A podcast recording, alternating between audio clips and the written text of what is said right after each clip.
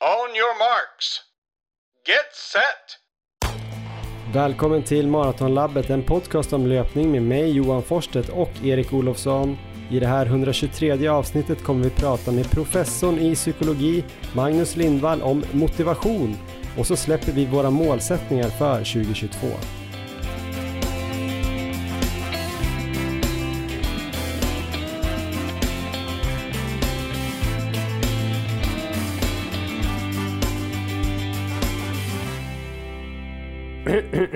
Högtidligt. Ja men då ska ni vara varmt välkomna till ett nytt avsnitt av Maratonlabbet. Ett avsnitt som kickar igång säsong 5 av den här podden. Vi som har gjort det här ända sedan 2018 är alltså jag, Johan Forsstedt och den glidande gasellen från Mattmar, nu mer boendes i Uppsala, Erik Ingvar Olofsson. Hur är läget? Vilken presentation Johan, det är jättebra och det var redan bra innan den där presentationen. Ehm, så att eh, läget kan ju inte vara mycket bättre och då pratar jag inte så här omikron eller det osäkra världsläget i Ukraina utan vi pratar löpning och vi pratar träning. Och när det gäller just de bitarna så tror jag att den här säsong 5 av Maratonlabbet kommer bli den bästa någonsin faktiskt. Så eh, ja, men det är bra. Senast i december där när vi spelade in så hade jag ju 40 graders feber. Och det ledde det. ju till ett träningsuppehåll då på nästan två veckor. Men nu har träningen rullat på riktigt bra hela 2022. Motivationen är verkligen på topp. Och då dels för min egen träning men också för att se lite sen vad du har för planer för året. Men även då för att vi kommer ha ett nytt stående inslag i podden som känns riktigt roligt och spännande. Eh, mer om det senare. Nu vill jag höra hur dagsformen är för Johan Forsstedt. Har du sprungit i år? Har du packat väskorna inför Peking? Och hur är känslan nu att snart åka till vinter-OS? Oj, ja men eh, det är bra. Jag har sprungit i år. Inte idag än dock, men jag ska nog springa efter vi har spelat in det här. Eh, jag har startat säsongen bra, eh, mycket bra nästan till och med. Jag kommer återkomma till det jag har inte packat någonting. Jag åker här samma dag som det här släpps. Så åker jag via Istanbul till Peking om allt, eh, allt går vägen. Jag måste ju testa negativt på lite covid-test också för att kunna åka iväg. Just det. Eh, jag är väl eh, mittemellan-laddad, måste jag väl säga. Alltså det ska bli skitkul. Jag skulle bli besviken om jag inte kommer iväg nu. Men det har ju varit lite skakigt här inför och eh, Discovery då som jag ska åka med har ju skurit ner ordentligt i sin trupp och eh, varenda dag nu har man ju olika landslag, eh, både liksom svenska tävlande och nu norska skidlandslaget och sådär som att folk får covid och kanske ja. inte kommer kunna åka till OS. Och det känns ganska ovisst. Vi får se om det blir ett så här, sportsligt rättvist spel eller om det kommer falla bort en massa favoriter i olika sporter och om jag kanske kommer falla bort mitt på vägen där och hamna i något kinesiskt karantänhotell med muggliga madrasser och kall hundmat. Eh, hoppas inte kineserna lyssnar på det här då, för kanske inte ens kommer in. Men vi får se vad som händer. Men du är ändå en av nyckelspelarna där hos Discovery och är fortfarande uttagen. Jag är fortfarande uttagen. Vi kommer vara, tror jag, sex reportrar. Jag kommer, som det ser ut, eh, rapportera då från diverse issporter, till exempel skridsko, curling, konståkning. Och sen har jag väl fått även Big Air på mitt bord. Eh, okay. Det är väl både snowboard och skidor tänker jag. Och Aha. det är faktiskt flyttat till Peking, eller flyttat, det är lagt i Peking. För att det skulle bli lite extra häftigt där. Vi får väl se om, jag vet inte ens om det är publik eller någonting. Kanske några sådana här pappfigurer eller sådana här de kanske har haft, de kanske har dresserat typ så tusen pers som de har haft i något labb som inte kan bli smittade som får komma in och applådera. Lite som när Nordkorea hade publik eh, på OS i Sydkorea. Ja, just det. Men det var inte det vi skulle prata om i den här podden egentligen. Eh, vi kommer ju prata om löpning även säsong 5. Jag är motiverad eh, till stordåd och som av en händelse kommer det här första avsnittet också handla en del om motivation. Vi kommer prata med psykologiprofessorn Magnus Lindvall om vad motivation egentligen är, vad det betyder och hur man kan skapa en hållbar, gärna inre motivation. Eh, det blir ett intressant samtal om ett tag. Vi kommer också att lansera ett helt nytt segment eh, som du sa, eller som du var inne på i det här avsnittet. Vi ska nämligen under våren träna en person inför eh, Adidas Stockholm Marathon som ju går av stapeln 4 juni. Den här personen ska även springa premiärmilen 27 mars och premiärhalvan 23 april. vilket jag tror blir perfekta delmål på vägen mot maran. Vi vet ju inte än Erik riktigt eh, vad målsättningen kommer vara för den här personen utan det kommer ni få reda på senare i det här avsnittet eller kanske avsnitt två men eh, jag tror kanske att målsättningen på maran kommer landa runt 3.30 så det finns nog många där ute som kan identifiera sig med den här personen, Big Mike, som vi kommer presentera längre fram i det här avsnittet. Eh, vi ska också säga att det var väldigt, väldigt många som sökte den här adeptrollen, många, många fler än vad vi trodde. Och vi vill från djupet av våra jämtländska hjärtan tacka alla som har skrivit till oss. Det har varit väldigt fint att få en liten inblick i alla era löparliv och eh, vi har ju tyvärr inte haft möjlighet att svara på alla ansökningar och allra helst hade vi tränat alla i en stor och fin sån här Maratonlabbet-grupp. Eh, jag vet inte, tror du att det kan bli verklighet Erik? Ja, vi får se vad vi kan hitta på. Vi kanske kan få till någon Facebookgrupp eller liknande. Eh, men intresset har ju varit helt otroligt, jätteroligt såklart. Eh, otroligt bra och genomarbetade mejl vi har fått. Så stort hjärtligt tack till alla som sökte. Vi hade velat eh, välja typ många fler, men vi har en jättebra adept som ni kommer få träffa senare i det här programmet eller lyssna till. Eh, innan vi drar igång också Erik med det här avsnittet på allvar vill vi också tacka alla som har gått in på coffee.com slash maratonlabbet och köpt eh, virtuell kaffe åt oss här under eh, vintern och på så sätt stöttat podden. Vi tackar ödmjukast för alla bidrag och det finns faktiskt fortfarande möjlighet om man vill gå in och visa er uppskattning där på coffee.com. Det är alltså ko-fi.com slash maratonlabbet. Ehm, det ligger också en länk fortfarande i vår bio på Instagram där, alltså i vår profil. Eh, gör det om ni känner för det, gör det inte om ni inte känner för det, helt enkelt. Nu Erik, äntligen ska vi snacka löpning. Kul! Är du motiverad för 2022? Det här är femte året vi håller på. Orkar du eh, fortsätta satsa? Ja, men det kommer jag göra och jag är faktiskt, tror jag, mer motiverad inför den här säsongen än någon av de tidigare fyra. Så att ja. Eh, det kan liksom inte vara bättre med den biten just nu än vad det är. Så det är jätteroligt. Träningen känns superkul nu och eh, ja, roliga mål att se fram emot. Sist vi pratade, som du var inne på här tidigare i avsnittet, så var du ju sänkt i någon sorts eh, denguefeber.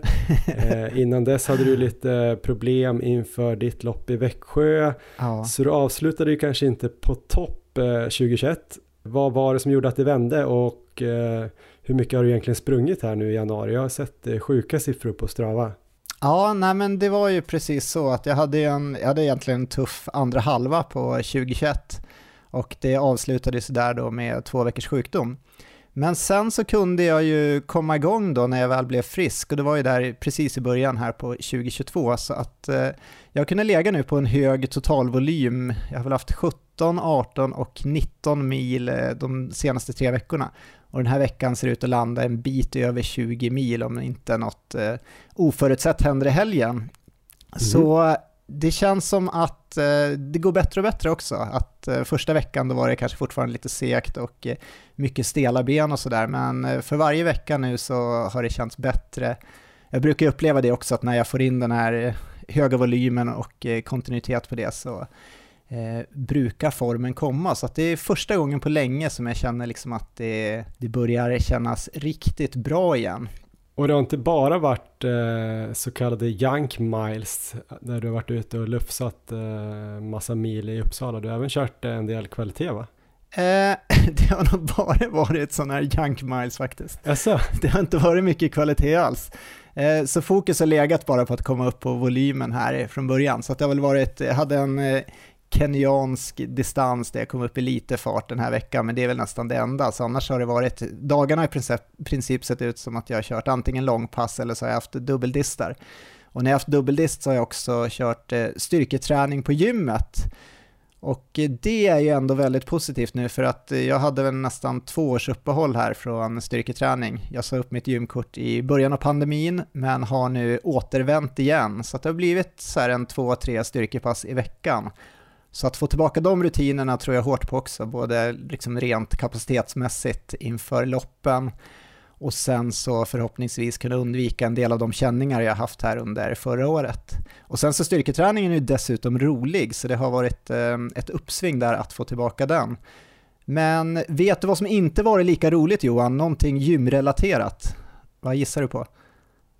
Musiken har varit dålig på ditt gym. ja, det har den säkert. Um, men nej, det är något annat som jag inte brukar ha några problem med alls, och det är löpbandsträning.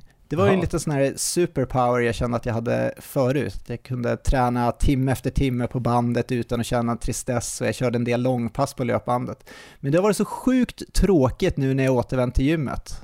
Okej att jag bara kört distans, jag har inte haft några kvalitetspass, men ändå så här 8 kilometer innan jag kör styrketräning borde jag ju kunna fixa utan att dö av tristess. Men eh, det har varit eh, det tuffaste. Jag tror att det är lite så här en vanefråga, så jag hoppas att det släpper snart, att jag kan återgå till att uppskatta löpbandet igen.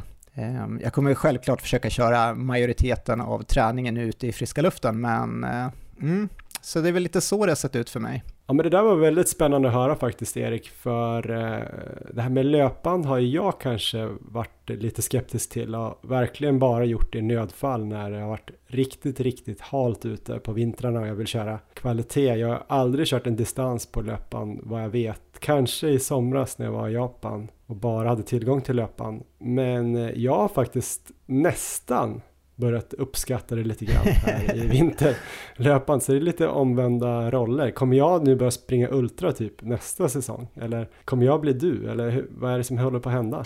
Ja, det återstår att se, men vad spännande. Vad känner du då? Vad är det som har gjort att du känner så nu? Ja, men jag tror att det började med att jag var uppe i Östersund här när jag skulle sätta igång eh, säsongen lite bättre här runt jul och eh, nyår och där var det faktiskt ganska svårt att köra bra kvalitet utomhus ehm, eftersom det var väldigt, väldigt mycket snö och is och sådär. Det finns ju folk som tycker att det går lika bra att göra det i is och snö men jag kände väl att när man sätter igång sådär på säsongen så kändes det skönt att kunna springa obehindrat och jag hade haft lite problem med, med den här ljumsken som jag tror blev lite grinig när jag sprang just eh, på halt underlag innan Valencia. Så jag köpte 10 kort på ett gym där och eh, tänkte ja, jag, jag får väl bara bita ihop, träna psyket lite grann och springa det här på, på löpband. Så jag började köra lite trösklar, typ eh, tusingar eh, en dag och så kanske jag gjorde några längre intervaller, typ två tusingar.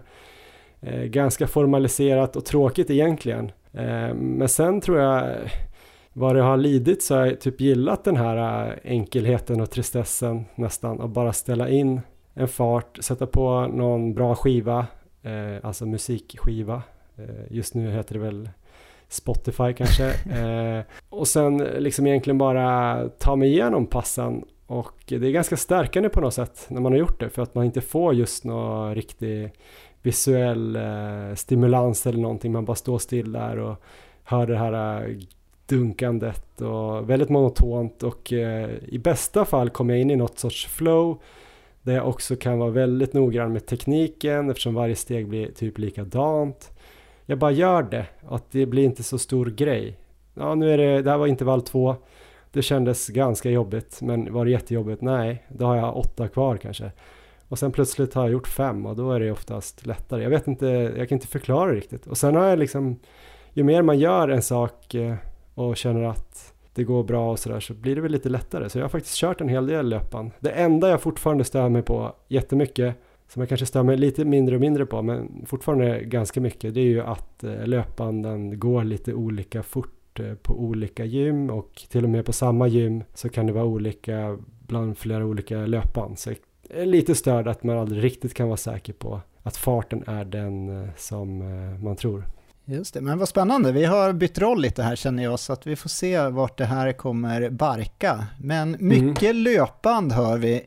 Hur har träningen eh, känts då? Har det gått bra 2022? Eh, är du i bättre form än någonsin tidigare? Eller känner du att eh, träningsuppehållet där över jul har sänkt dig? Nej, men jag pikar nu faktiskt. Så att jag funderar på om jag ska både springa Winter Run här i helgen och eh, Vintundsvintern.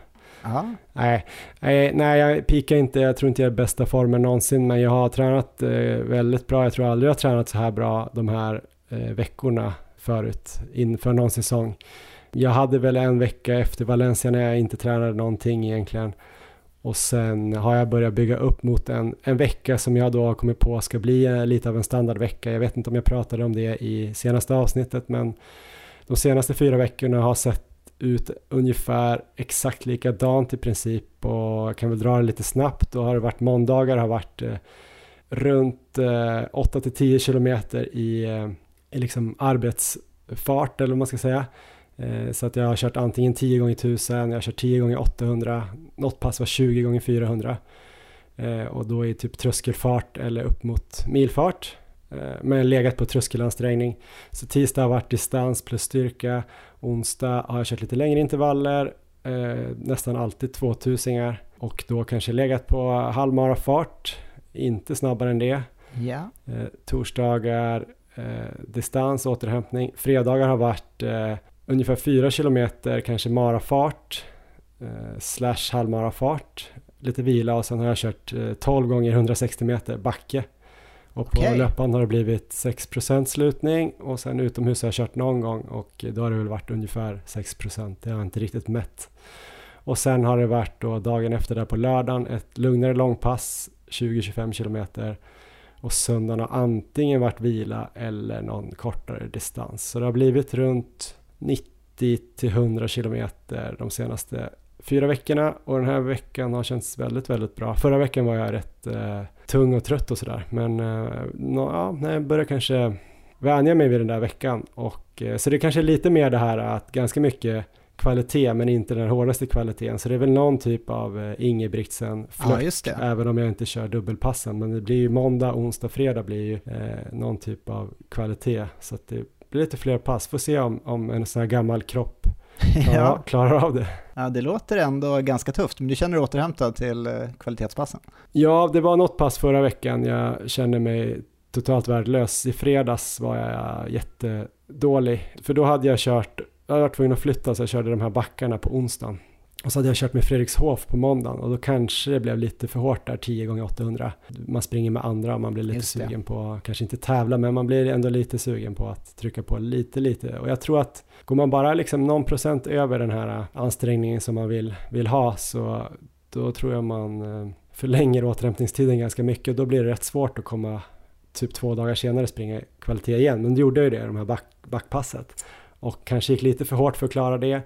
Och då fredagen fick jag väl sota lite för det. Men ja. sen så hade jag ett uh, lugnt långpass på lördagen och vilade helt på söndagen och sen gjorde jag typ mitt bästa pass uh, på hela vintern i måndags. Så att, uh, då kände jag ändå att jag återhämtade mig. Det låter ju otroligt bra det här och det låter ju som att du ligger helt i fas men då kommer ju följdfrågan här att nu drar du iväg till Kina. Du är där ett par veckor. Har du sett till att du har någon liten 200 meters runda du får ge dig ut på eller finns det något löpband eller kommer du springa i trappor nu i tre veckor? Har du någon koll på hur det kommer vara där borta? Jag har länge, typ ända sedan jag fick reda på att jag skulle åka på det här, varit lite eh, fundersam på hur jag ska lösa det för att jag varit så motiverad med löpningen. Samtidigt så förstår jag ju att löpningen är någon typ av hobby och podden är väl till största delen någon typ av hobby även om vi får in några kronor här och där. Så har det väl känts som att eh, fan, ska man tacka nej till OS för att vara hemma och träna istället? för tre veckor känns som att det är rätt långt och när man är inne i det själv så tänker man att man ska tappa allt på tre veckor. Skulle jag råda någon annan person att göra någonting så skulle jag ju bara säga så här, nej men tre veckor hinner du inte tappa allt på. Det kanske är bara bra att du får vila eh, från lite löpning och du kan ju köra styrka och sådär på rummet eller men när det är en själv så känns det som att det är katastrof. Eh, så jag har funderat på om vi skulle ha något avsnitt här om hur man tränar löpning på rummet eller på hotellet eller så här. Men sen har jag nu hört att eh, det ska finnas gym och jag har ju trott att gymmen ska vara stängda eftersom det inte ska kunna spridas någon covid alls i de här bubblorna. Men som jag förstår det nu är det gym som är liksom bokningsbara på något sätt eh, så att man kanske de ska se till att det inte är allt för många där samtidigt. Men förhoppningsvis så kommer jag väl i alla fall kunna boka upp lite tider för att springa på band. Jag tror inte vi kommer ut någonting alls, ärligt talat. jag tror det är hotellet, transporter till och från arenorna och sen vara på arenorna. Jag tror det kommer vara väldigt, väldigt stängt. Ja, men det låter lovande, speciellt med din nya kärlek till löpbandet nu också. Det kommer bli, det kommer bli bra. Ja, men framåt sen då Erik, eh, det här året, du eh, gjorde ju fantastiska prestationer, åtminstone fram till och med slutet av juli. Du tog två SM-medaljer förra året. Eh, Går det att toppa det 2022? Eh, vet inte. Vi får sikta på det ändå, men eh, det kanske blir svårt. Men eh, jag har ju... Jobbar du fortfarande med målsättningar eller? Ja, absolut. Så att jag har klara mål framför mig här. Jag drivs ju mycket av det. Att ha någon form av eh, eh, resultat eller prestationsmål då. Eh, det är ju en stor drivkraft för mig. Så Mm. att det har jag satt upp och eh, ja, väldigt tydliga sådana i år. Smala? Ja, väldigt smala. Hur smala? Jo, då, de, det, det återstår att se hur smala de är, men det är definitivt inga enkla mål, utan det, det kommer krävas ett otroligt eh, hårt jobb eh, för att ha någon möjlighet att nå de här målen. Men det är ju så vi vill ha målen också, så att eh, jag är eh, mycket taggad. Är de här målen någonting som du vill släppa nu? Det känns som att man är ganska sugen på att höra på dem. Ja, men det, vi kör helt enkelt och eh, släpper målen nu. Och om man då tar till skillnad mot tidigare år, för jag har ju ofta satt upp så här tidsmål som jag velat klara under året och kanske släppt olika distanser som jag liksom vill springa på vissa tider under året. Det kommer jag inte göra i år, utan jag har satt upp två stycken mål och sen kommer jag låta dem få styra sen hur resten av säsongen kommer se ut. Men eh, ja, mitt nästa då mål det är ju ett lopp som går den 23 och 24 april. Och då kan man ju lista ut vad det är för typ av lopp. Det är SM i 24 timmars löpning. Och där kommer jag ha två mål som jag tror kommer gå lite hand i hand. Jag gissar att jag antingen kommer klara båda eller inget alls av dem. Och det första målet är att ta medalj. Jag fick ju med mig ett silver förra året, förra året i debuten, vilket var fantastiskt kul. Den här gången är dock motståndet väldigt mycket tuffare. I princip alla som var med i toppen där i fjol är anmälda, men sen tillkommer det dessutom en rad starka namn som har kapacitet att springa riktigt långt på den här distansen. Så det är, det är klart tuffare att eh, ta medalj i år. Mitt andra mål med det här loppet är att kvalificera mig för EM i 24 timmars löpning som går i Verona i Italien i september senare i år. Och där finns det en indikativ kvallängd får man säga på 23,5 mil. Men jag gissar att det kommer krävas betydligt längre än så för att ta en plats till EM eftersom att det är det är många som har, eller det är flera i alla fall som har sprungit eh, betydligt längre redan och jag gissar att den här SM-tävlingen där kommer det vara eh, väldigt bra resultat. Så hur långt som kommer krävas för det, det är liksom svårt att säga, men mitt mål är att försöka slå mig in i det laget. Så det är mina två mål då för, eh, för det här loppet. Spännande. Smala mål. Ja, Fiskeline smala mål. Inte alls eh, lätta att klara av det där. Men hur många tar de ut till ett EM? Ja, men det är en jättebra fråga Johan. Jag har faktiskt inte full koll på det. Jag tror det är, jag tror det är tre eller fyra stycken som får springa. Eh, Okej. Men jag vågar inte svara på det. Ja just det, för det känns ju som att de hör ihop på ett sätt, eh, de här två målen. Jag menar om du tar SM-guld så borde du ligga bra till på en EM-plats. Visserligen om alla misslyckas och du springer också bara på typ bara bara, men på 22 mil. Så Ja, kanske någon senare under säsongen kan kvalificera sig i någon annan tävling i och för sig. Men det känns ju ändå som att om det är så pass bra standard på den där tävlingen så eh, kommer du topp tre där så kanske du ligger bra till för EM också. Tänker jag, om du kommer över 23,5 mil. Ja men jag tror, jag tror det är så. Det är inte så många andra 24 timmars lopp som går eh, under året. Eh, så att jag tror de flesta siktar in sig på just det här loppet. Så. Sa du vart det gick SM? SM går i Växjö.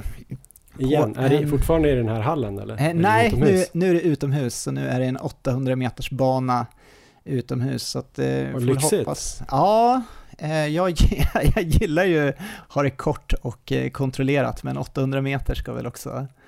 Det, det blir nog säkert helt perfekt tror jag. Så att det är bara att hoppas att det inte börjar regna och jävlas, utan att eh, väderförutsättningarna ändå är bra. Senast när vi sprang där i, på SM förra året, då var det 28-29 grader eh, och gassande sol och det lär vi ju slippa den här gången i alla fall så att jag tror inte det kommer vara sämre förutsättningar rent vädermässigt än vad det var förra året. Men eh, vi får väl se, jag vill inte jinxa det. Vi lär väl komma in mycket mer eh, på det här loppet eh, vad det lider under säsongen. Men eh, 23 april i Sverige, det kan ju vara riktigt ruskig natt där tänker jag. Fast åt andra hållet då istället för 28-29 grader kan det nog vara ganska kallt och, och ha, hagla mellan ett Ja. på natten och fem på morgonen. Men det kommer ju du gilla. Ja, vi får se. Men det är väl bara att klä på sig tänker jag.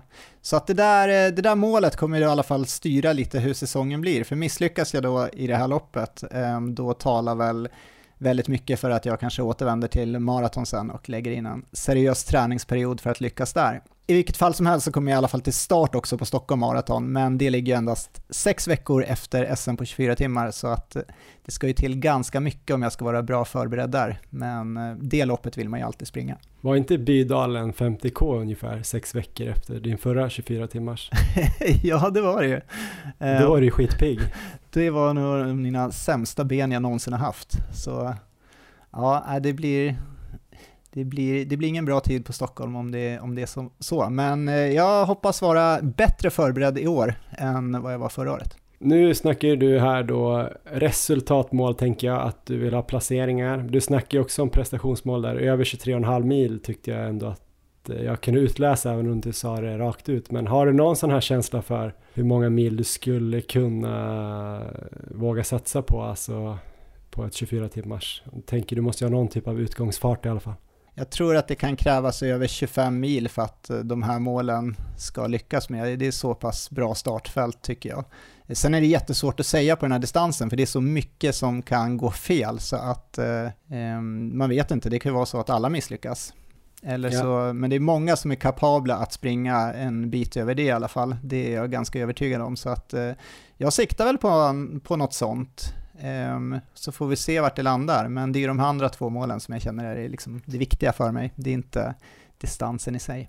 Så om vi tar fram till midsommar då, det är det medalj på SM och gärna ligga riktigt bra till för en eh, EM-plats då. Och då blir det indirekt då cirka 25 mil på eh, en 24 timmars. Ja, vi får se. se vart det landar. Ska vi gå över till dina mål Johan? Vi kan väl göra det. Det är intressant ju för att eh, vi har ju haft alla olika typer av målsättningar. Ofta har vi landat i någon typ av tid på ett lopp som du sa. Det hade ju det klassiska sub 3 då första året som Ja. egentligen kickade igång hela det här äventyret eller vad man ska säga. I fjol hade jag ju en massa ganska hårda mål som typ gick åt skogen. Kände väl inte att jag liksom haft någon eh, prestationsångest kring målen, det är bara det att jag inte blivit tillräckligt bra. Och då har jag känt lite grann så här, fan det är jävligt svårt att sätta en tid på ett lopp som man vill uppnå när man inte riktigt vet. Det är, även om det finns många duktiga coacher där ute som kanske tror att de vet exakt hur man ska träna någon för en viss eh, distans, inklusive du och jag då med våra adepter och så, så kan man inte alltid vara helt säker. Man kan ju träna riktigt bra, kanske två personer, den ena förbättrar sig i två minuter, den andra en minut, beroende på, det är ju väldigt många olika faktorer, och genetiskt och man blir gam- äldre och sådär. Så det är svårt att sätta en tid, tänker jag. Ja, Så därför kommer jag nog, i alla fall i början av året, det här är ju kanske tråkigt, men jag kommer tänka lite mer då kanske så här processmål ändå. ja. Som till exempel den här veckan jag berättade om tidigare. Alltså jag är ganska sugen på att standardisera min träning, eh, kanske i en sex veckors cykel och sen liksom bara göra de passen så bra som möjligt under en längre ihållande period, kontinuitet. Förbättra mina sovvanor och eh, återhämtningen. Käka bra och sådär. Och sen typ eh, bli lite bättre på många olika ställen, köra lite bättre på rehab, lite bättre styrketräning och sen se lite vart jag hamnar då. Men det låter ju väldigt, väldigt luddigt och, och ganska ospetsigt. Och inte så smalt heller.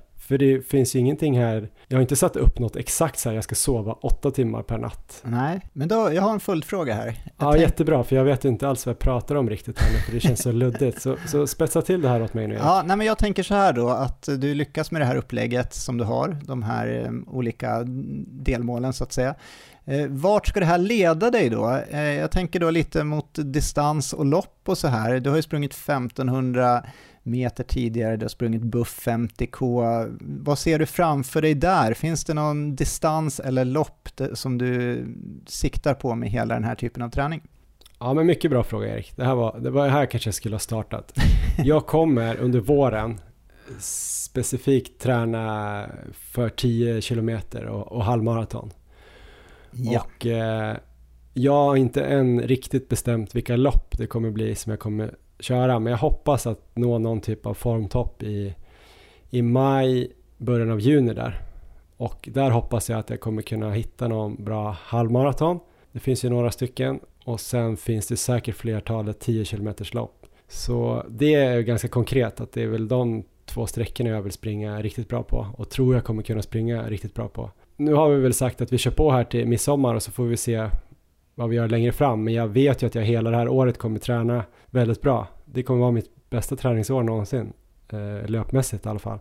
Och jag vet ju att jag har anmält mig till en halvmara i oktober som kommer kanske bli säsongens stora mål. Och det är i en spansk stad som heter Valencia. Just det. Så det tror jag kommer vara mitt stora mål.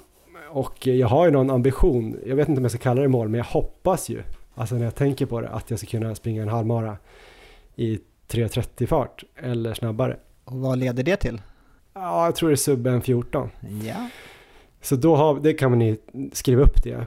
Vad fan, det är mitt mål kan vi ju säga. Och sen vet jag ju då att eh, fyra veckor innan där är det Lidingöloppet.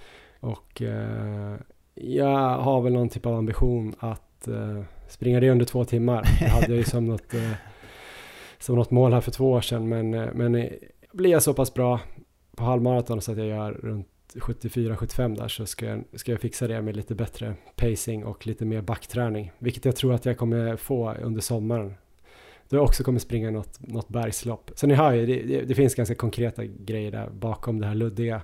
Härligt ändå att eh, de här resultatmålen kom in. Jag kände att jag hade lite dåligt samvete att försöka dra fram dem själv, men de, de fanns ändå där och eh, kom fram nu så att... Ja, men jag tror att jag skulle komma till dem på slutet. Jag visste bara inte hur jag... Men jag vill liksom fokusera på processen och träningen, ja. för jag tror ju det... Om jag bara flyger iväg och, och sätter upp några siffror på någon papper som inte riktigt det finns någon riktig anknytning till så vet jag inte om det kommer hjälpa mig så himla mycket. Så att jag känner så här, okej, okay, jag vet ungefär hur mycket jag behöver träna tror jag för att gå åt de här hållen. Så det är mer det jag kommer fokusera på, att göra några procent bättre på väldigt många olika plan eh, och framförallt eh, löpmässigt då, eller träningsmässigt.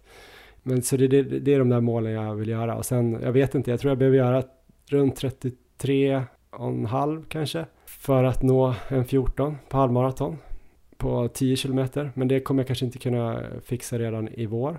Men det är väl någon ambition, kanske där kring. Vi får se om det blir Lidingöloppet och eh, Valencia där i, i höst eller om det blir typ Lidingöloppet kanske 15 och typ Hässelbyloppet och Just sen det. Valencia som någon sorts trestegsraket. Men jag ska vara riktigt bra där någon gång i, i maj-juni, månadsskiftet och sen ska jag försöka vara bra september-oktober. Och sen har jag sagt till mig själv att om jag ska springa maraton igen någon gång, det behöver inte vara det här året, men jag kommer inte springa maraton igen förrän jag tror att jag kommer kunna klara under 2.40. Så vi får se hur bra jag blir. Spännande!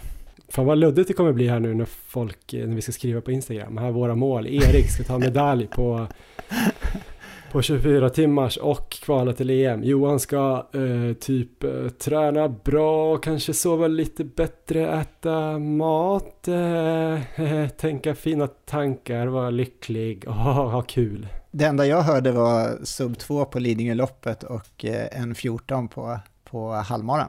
Oh, du är så målinriktad. Vi är mycket glada och stolta att vi har eh, Löplabbet som samarbetspartner även här nu under våren 2022. De har ju varit med oss eh, väldigt länge nu. Jag vet inte hur många år det är Erik? Det är flera år i alla fall. Ja, det är minst tre år. Eh, de har stöttat oss och eh, tror på oss. Vi tror på dem. Det är ju Sveriges största butikskedja för löpare och löpning med åtta fysiska butiker i Sverige och så har de ju då sin eh, hemsida löplabbet.se som är en jättebra webbutik men också en källa till mycket information kring löpning. Just nu har de ju på sin första sida här när jag är inne på löplabbet.se en bild på Asics Gel Nimbus Light 3. En sko som eh, vi inte har provat än men vi har ju sprungit i både Gel Nimbus Light 1 och 2. Eh, använt dem jättemycket på våra distanspass eh, framförallt och eh, de här har vi gillat så det ska bli skitkul om vi får testa Light 3 här snart Erik, eller vad säger du?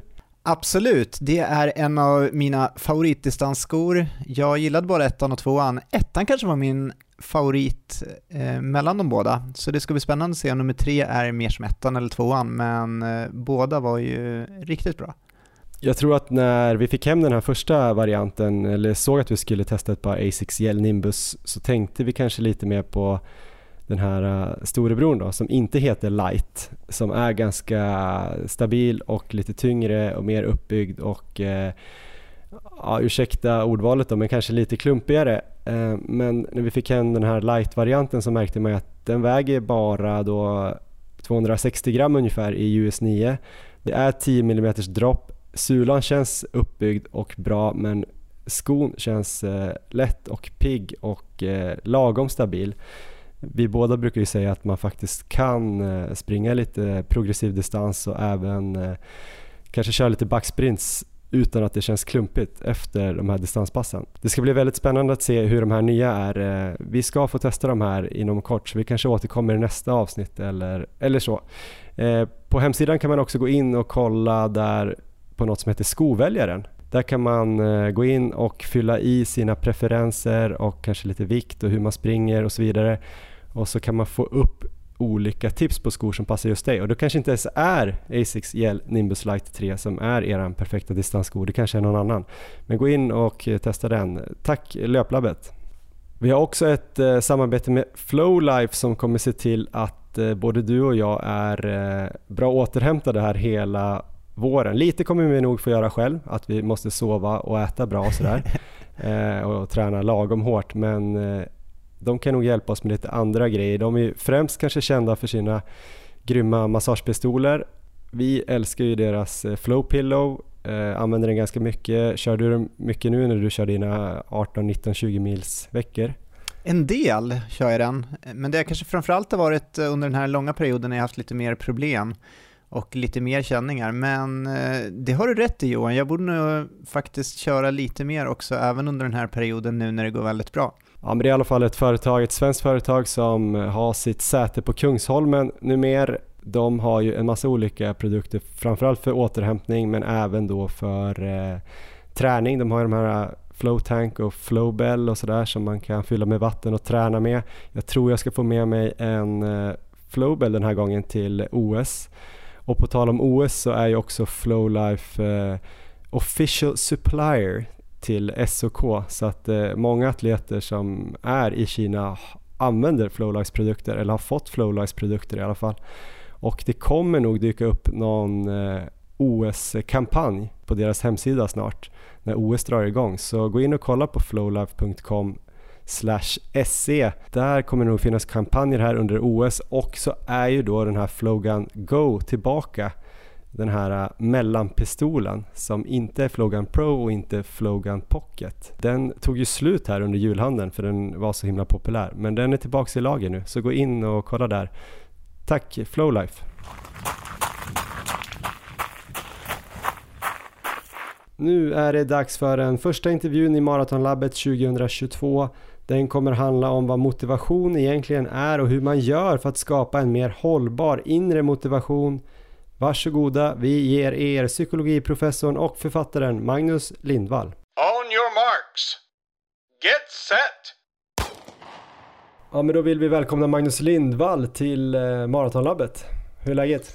Ja, men det är bra. Det är ett blåsigt Göteborg. Vansinnigt blåsigt. Blåsigare än vanliga fall, men annars är det, annars är det bra. Ja, härligt. Eh, du är professor i psykologi på Göteborgs universitet. Inriktning på hälsopsykologi. Ja, stämmer.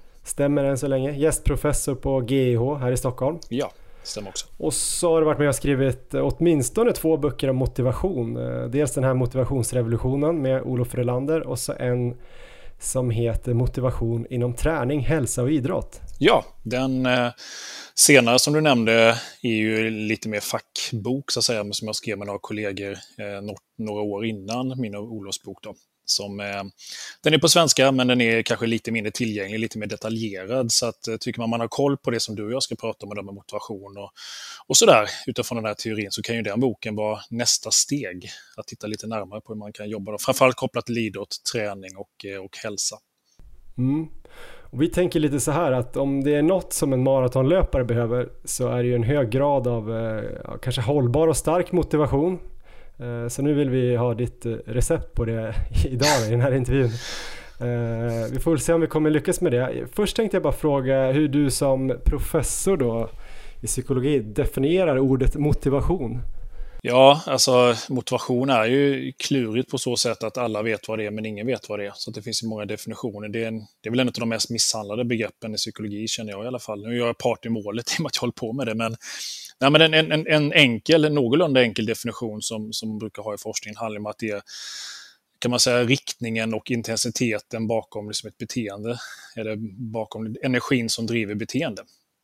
Det är ju det som motivation handlar om. Drivkraft kan vi också prata om. Liksom. Eh, och då är det viktigt att man pratar om drivkrafter i det här fallet. Det kommer vi kanske in på också. Att det handlar liksom inte om en typ av drivkraft utan vi har ju flera typer av olika typer av motivation eller typer av drivkrafter som ligger bakom vårt beteende. Också, också säkerligen kopplat till ett sådant specifikt beteende som löpning eh, och långdistanslöpning så är det, så är det liksom inte bara en sak som driver oss, utan där finns ju ett ganska stort missförstånd i samhället överlag när vi pratar om motivation och försöker förstå vad det är och jobba med det, att vi lätt går vilse. Då.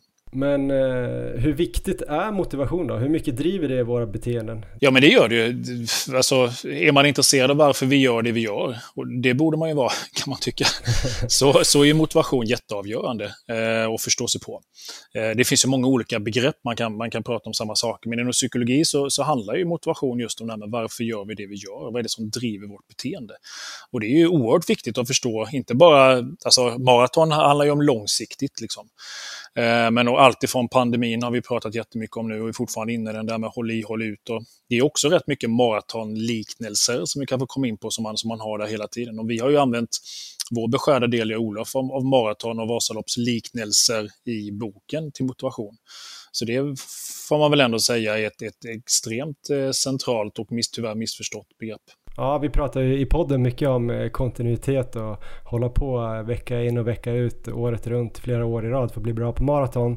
Och då måste man antagligen ha en, en hållbar och kanske inre motivation. Jag vet inte, finns det bra och dålig motivation och stark och svag? Och man har ju hört inre och yttre motivation och sådär. Vad är eftersträvansvärt? Ja, första ska man väl kanske nämna att det här med bra eller dålig motivation kanske man ska vara lite försiktig med. Eller bara prata om kvantitet, vilket vi oftast gör. Liksom, har du hög eller låg? Det, det är väl vettigt att börja där någonstans, men det, det, liksom, det leder oss inte så långt när det handlar om hållbarhet. Eh, för problemet är att två personer kan ju springa, verkar vara lika motiverade, det vill säga de, de verkar anstränga sig lika mycket. För det är ju så vi ser motivation, alltså hur vi anstränger oss. De verkar springa lika mycket eller lika länge eh, just i stunden eller för det här passet. Då. Men över tid så har de olika kan man säga, drivkrafter i bensintanken och det kommer vara avgörande för om man orkar hålla i, om man nu siktar på att göra ett halvmaraton eller maraton eller liksom köra året runt eller vad det är för någonting, så kommer det få en stor påverkan liksom över tid. Och Det är det som är det egentligen avgörande. Det långsiktiga perspektivet är ju helt avgörande när vi pratar om motivation. Inte det här kortsiktiga att vi ska springa 100 meter så fort vi kan och som bränner ut oss allt vad vi orkar. Liksom det, det, det, är ett annat perspektiv, utan det handlar om det långsiktiga. Och beroende på vilka glasögon vi har så får du också olika svar på vad är det som är effektivt och hur kan man tänka kring motivation.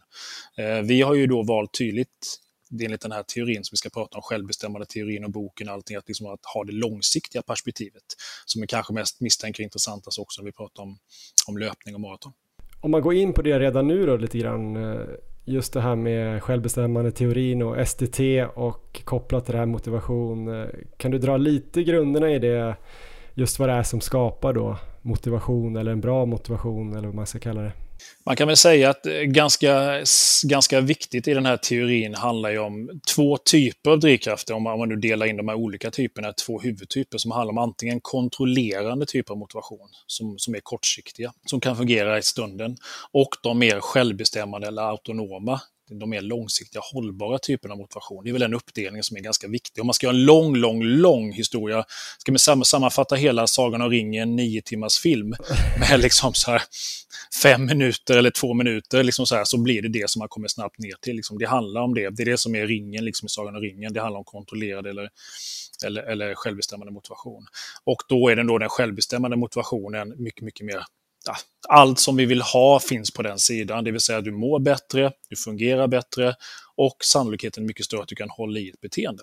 Och på andra sidan, de, den här kontrollerade typen av motivation, är liksom, ja, sannolikheten är större att i ett sådant system, eller om du befinner dig i en sån miljö, så mår du sämre, fungerar sämre och sannolikheten är större att du att du inte klarar att hålla i beteendet, att du slutar jobbet eller att du slutar träna eller vad det nu är för någonting. Då. Så det är ju en nyckel nyckelsak. Liksom på hur ser själva profilen ut? Vad är det för typer som oftast liksom driver oss till beteende långsiktigt? Och det är ju den första delen. Och den andra delen är ju då, vad är det som påverkar åt vilket håll man glider? Alltså vilken typ man oftast har mest. Och där pratar man mycket om tre grundläggande psykologiska behov.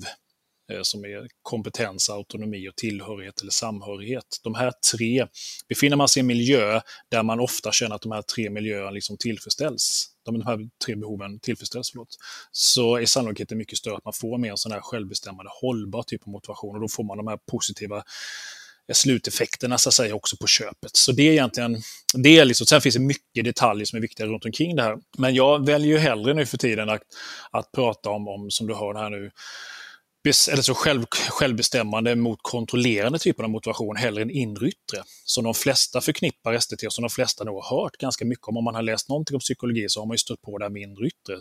Där det finns en hel del personer som har pratat om det här, som har föreläsningar, som skrivit böcker om, om det här. Men det är, den, den, det är ju inte fel, inre yttre motivation är viktig i den uppdelningen. Men det tyvärr leder det oss lätt till att vi missförstår hela teorin. För inre motivation, det här liksom att som jag brukar prata om, the action is the juice, att själva aktiviteten i sig är belönande. När du sticker ut på ett pass så behöver du inte locka med någonting, att nu klarar jag bara liksom av att pina mig de här 22 kilometerna så blir det jäkligt skönt med en öl efteråt eller duschen efteråt, utan själva, själva passet är belöningen. Det är den inre motivationen. Och det är oerhört stark drivkraft om man kan ha det med sig, men det vet vi ju alla att det har vi inte med oss hela tiden. Den kan dyka upp då och då om man har lite tur, man får lite medvind och bra glid liksom i livets Vasaloppsspår. Men så är det ju inte alltid, utan man måste förlita sig på andra typer. Och då har vi de här yttre typerna av motivation. Och där är ett problem att man oftast, alltså jag skulle säga 11 gånger av 10 när jag har någon prata om det här, så har man buntat ihop yttre motivation till en sak. Det är sämre än inre motivation, det är det som är storyn, punkt slut. Och då har man missat ganska stora delar av, av SDT, vad man egentligen säger, för det finns bättre och sämre, eller mer eller mindre hållbara typer av yttre motivation och det är en väldigt viktig detalj. Mm. Om vi börjar att prata lite grann om det här självbestämmande typen av motivation som jag då kanske kopplar, kanske felaktigt då, lite mer till den här inre hållbara motivationen. Att det är lite av samma grej ändå. Mm. Den känns ju lite när man tänker på det, om jag tänker på mig själv som löpare eller tränande person så har jag alltid haft med mig det sen, sen barnsben egentligen och nästan som att det känns som att det är medfött. Om man inte har det där att man känner att själva löpningen i sig är kul Går det liksom att skapa det i efterhand eller Liksom, förstår du hur jag menar? Ja, nej, men det, det gör det ju säkert. Det är inte delarna när man försöker fundera på hur kan man då jobba tillämpat praktiskt med den här motivationsteorin. Så handlar det om att försöka, liksom, hur kan du skapa en situation eller miljö runt ditt, ditt beteende, i det här fallet träning och löpning, som ändå liksom trycker på den här inre motivationen. Där du känner att det är liksom belönande i sig, det är skönt, det är nyfiket, det är kul, att du tillfredsställer de behoven. Det är ju det bästa, man kan försöka i alla fall närma sig det så ofta som möjligt. Men jag menar, det är ju inte realistiskt, inte ens för oss som, för oss som tränare. Jag springer inte alls lika mycket som du gör säkerligen och lika länge och sådär, men jag håller igång regelbundet också. Men inte ens för sådana som du och jag som tränar regelbundet så är ju inre motivation en garant. Utan det som också tillhör den här självbestämmande, mer hållbara typen, det är en yttre typ av motivation där liksom inte belöningen är själva aktiviteten, men där andra saker kickar in, där vi liksom köper argumenten bakom, vi vet varför vi gör det här, det är en del av den vi är, det är en del av vår personlighet och liksom det är personligt viktigt och relevant för oss och meningsfullt och vi fattar varför vi gör det. Och vi har gjort det till vårt eget. Det är det här fina psykologiska begreppet som heter internalisering. Vi har tagit in värdet av beteendet. Vi tränar inte för någon läkares skull, för en tjatande partners skull eller för en folkhälsomyndighetens skull eller för en PTs skull, utan vi, liksom, det kanske började så. Men nu köper vi, vi äger det här själva, känner vi lite grann. Fast inte vi njuter av det varje gång. Det är liksom inte fortfarande inre belönande. Men den typen är nog det misstänker jag som ganska många av oss faller tillbaka på. Det är en väldigt bra, stark, uthållig liksom, eh, bensintyp motivationsmässigt att ha i vardagen. För den är ganska rimlig liksom, att ha med sig. Jag tror själv liksom, är en av anledningarna till att jag lyckas hålla i min träning och gör det så regelbundet under så många år är nog just det, för att liksom jag lyckas jag har fått en sån här stark internalisering av träning och lyckas liksom känna att jag gör det på mitt eget sätt. Och, och sådär. Så den är jätteviktig om man nu inte har den där inre motivationen, om man inte har chans att man kan få till den, utan att försöka förlita sig på den här mer, den, som, den här mer yttre typen som ändå är självbestämmande. Det tror jag är en nyckel just i STT, för mycket beteende ramlar ner där i slutändan i vardagen. För jag kan tänka mig att många som lyssnar på den här podden har kanske någon typ av nästan inre drivkraft till löpning. Några har ju kanske bara anmält sig, eller bara, men anmält sig till något lopp och nu måste de ta reda på, eller få lite mer inspiration kanske, eller, eller kanske till och med lära sig någonting hur de ska träna vidare.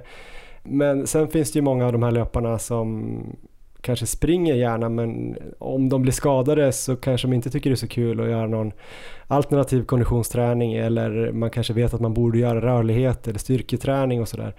Kan man då påverka miljön så till den grad att man ändå kommer göra det här och få tillräcklig motivation då som till exempel som du då, hålla i träningen eller starta den?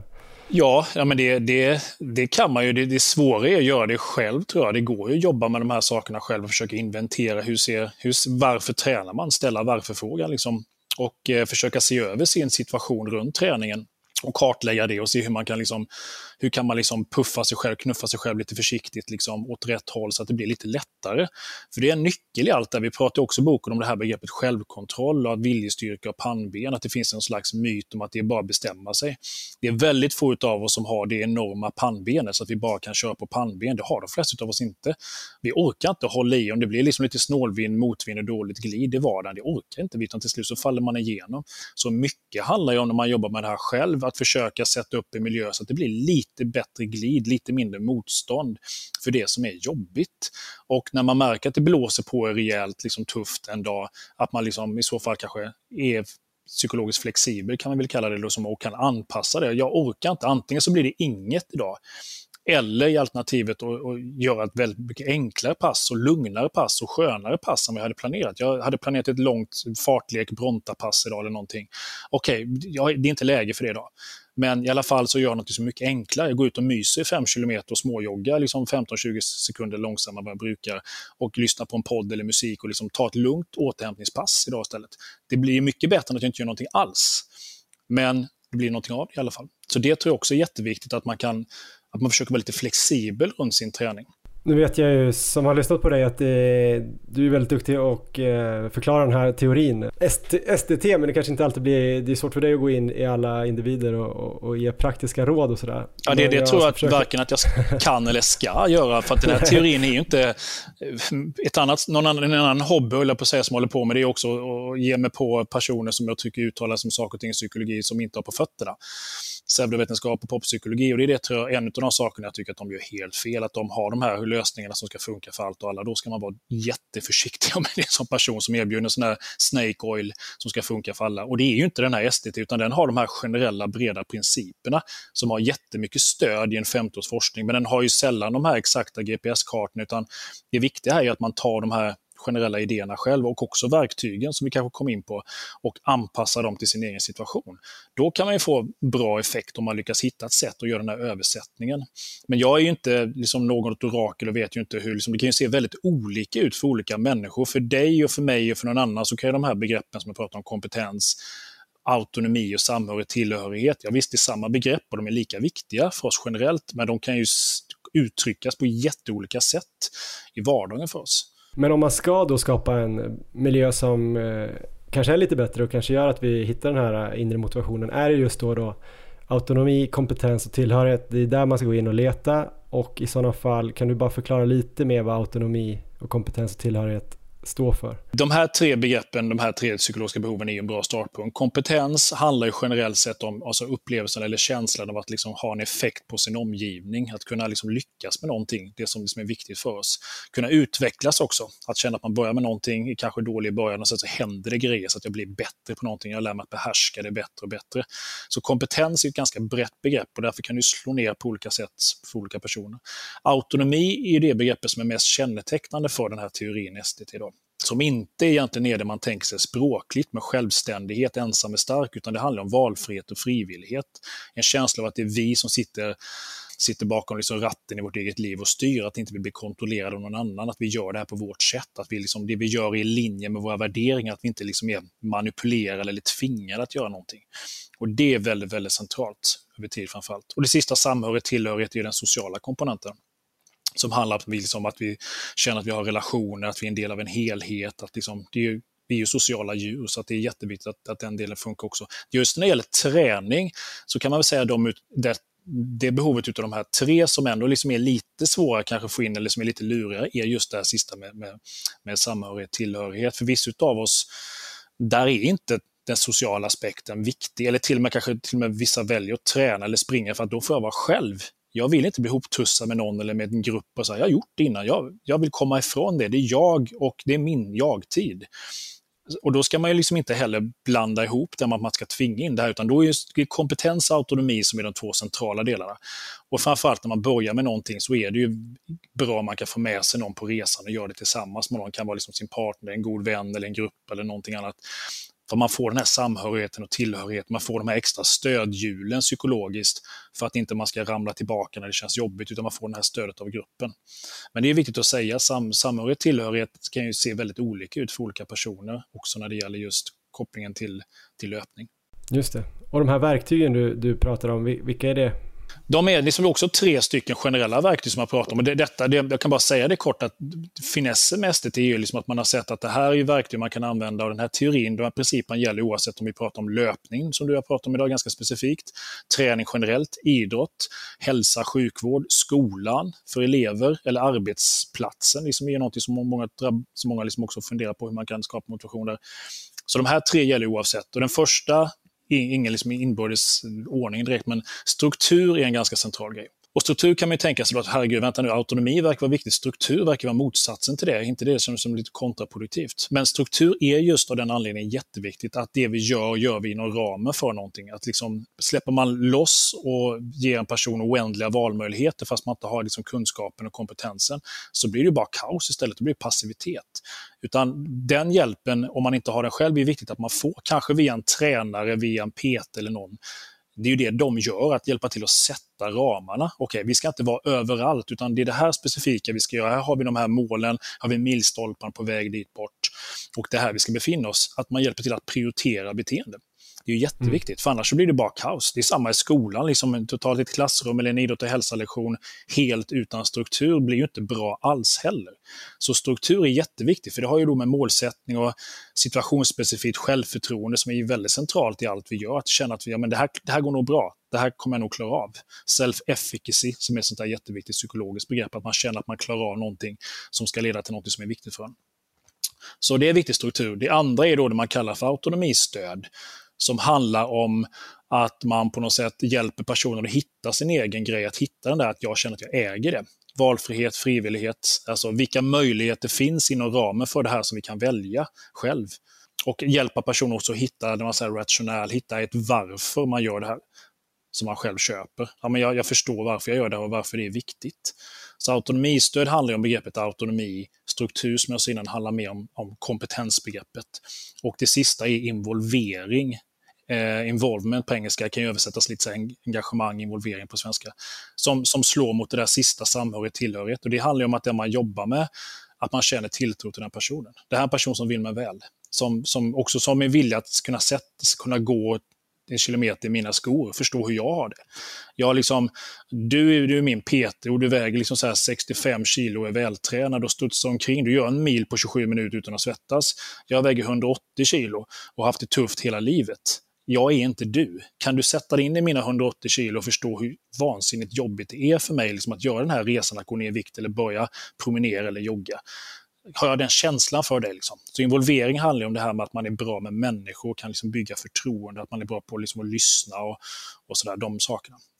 Och har, får man ihop de här tre verktygen och, och man jobbar själv, det är ju lätt om man jobbar med någon annan, så är det oftast väldigt, väldigt bra. Liksom, då, har man, då har man krattat manegen ganska bra för att långsiktigt se till så att de här tre psykologiska behoven tillfredsställs över tid.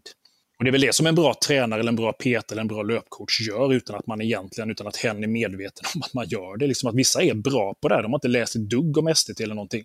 De har det bara med sig. Liksom. De är duktiga på just kompetens, få personer att känna kompetenta, autonomi och samråd, tillhörighet. De är jättebra på det utan att de egentligen vet om det. Och man kan använda väldigt många redskap för att, för att nå samma mål. Till sist, jag tänkte att vi skulle hålla det ungefär så här eh, långt här i, i Maratonlabbet. Annars kan man ju också lyssna på Maratonpodden med Petra Månström där du var med ganska nyligen och även den här Lounge-podden eh, som var ännu längre snack om STT och eh, motivation. Men, eh, ja, den är nästan, alltså hur långt, hur långt hinner du när du, när du är ute? Två timmar 16 minuter? Hur långt hinner du på det? Ja, jag skulle vilja säga längre än vad jag kommer säga, men vad kan det bli? 30 kilometer? Ja, då har du 30 kilometers löpning om man är du i alla fall i Loungepodden. Vi höll väl på en bit över två timmar där, så att det, men ni sprang inte, ni satt och drack öl va? Vi, vi gjorde motsatsen till att springa. Vi satt och drack öl, eh, gjorde vi. Så vi gjorde någonting som tvärtom i två timmar 60 minuter. Så att, ja. ja. men du vill ju inte ge några råd riktigt, men, men om man tänker sig, det är ett nytt år, 2022, det här året vill man att det ska bli det bästa löpåret någonsin. Man ska springa mer och, och snabbare och sådär. Man kanske anmält sig till lite lopp. Eh, hur ska man försöka få lite bättre glid och medvind? Vart börjar man? Ja, det beror ju på återigen som säger vad är målet. Eh, har det, det resultatkopplat så är motivationen också viktig att man ska orka liksom utsätta sig för den här, för den här mängdträningen. Givetvis. Och Det handlar också om att se till så att det inte blir för jävligt. Jag tror det inom idrottspsykologi och framförallt forskning kring hälsopsykologi så pratar man rätt mycket nu för tiden också om affekt, det vill säga känslor, hur någonting upplevs.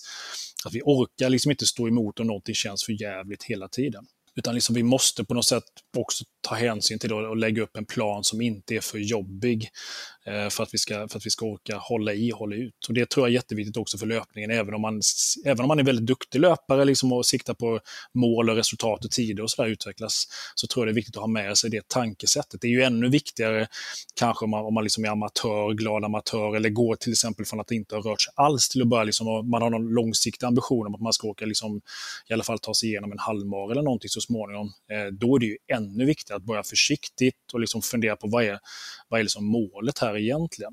Så det tror jag är jätteviktigt att börja med, att fundera på vad är det egentligen jag vill med det här och eh, att lägga upp en plan så att, så, att, så att man inte får soppatorsk efter hälften. För det spelar ingen roll hur bra kvalitet du har x antal månader fram. Om du helt plötsligt lägger av cold turkey så hjälper det inte att du gjort allting rätt innan. Utan det, det, det är bättre att hålla hela vägen på 75% än att köra 120% och sen så bara lägga av. Jag har läst på Instagram, några löpare då och då skriver typ något i stil med att eh, motivation är överskattat, jag kan inte vänta på den alltid utan jag bara gör istället. Jag väntar inte på motivation. Eh, är, är det hållbart i längden? Ja, motivation, om man säger att, inte, att det inte är intressant eller överskattat så, så har man nog återigen kanske inte, har man nog en väldigt, väldigt smal och ensidig definition av vad motivation är. För vad man säger då att det spelar ingen roll varför jag beter mig som jag gör. Och mitt beteende spelar ingen roll egentligen. Och det är klart, det är ingen som menar det egentligen. Men å andra sidan, när man, när man lägger fram det på det sättet, jag att jag bara gör, att bara göra, anledningen till att du klarar av att bara göra har ju dels med gen att göra, att du är en sån person som, som har det lättare att bara göra än andra. Men också förmodligen att du har bara farten, har lyckats sätta upp en miljö runt dig själv utan att du tänker på det. Som gör det lättare för dig, som ger mer glid och som gör att du orkar mentalt hålla på och hålla i, att du har de mer långsiktiga drivkrafterna. Det, det, betyder inte att du är liksom en sån där masochist som är ovanligt tuff och som klarar av att köra motvind. Sådana finns ju också, men de är extremt få. Utan de flesta av oss, liksom, man, man har råkat göra rätt, även om man inte är medveten om det. Så även de som säger att inte motivation är intressant och viktigt, eh, det är det nog, fast man inte tänker på det på det sättet.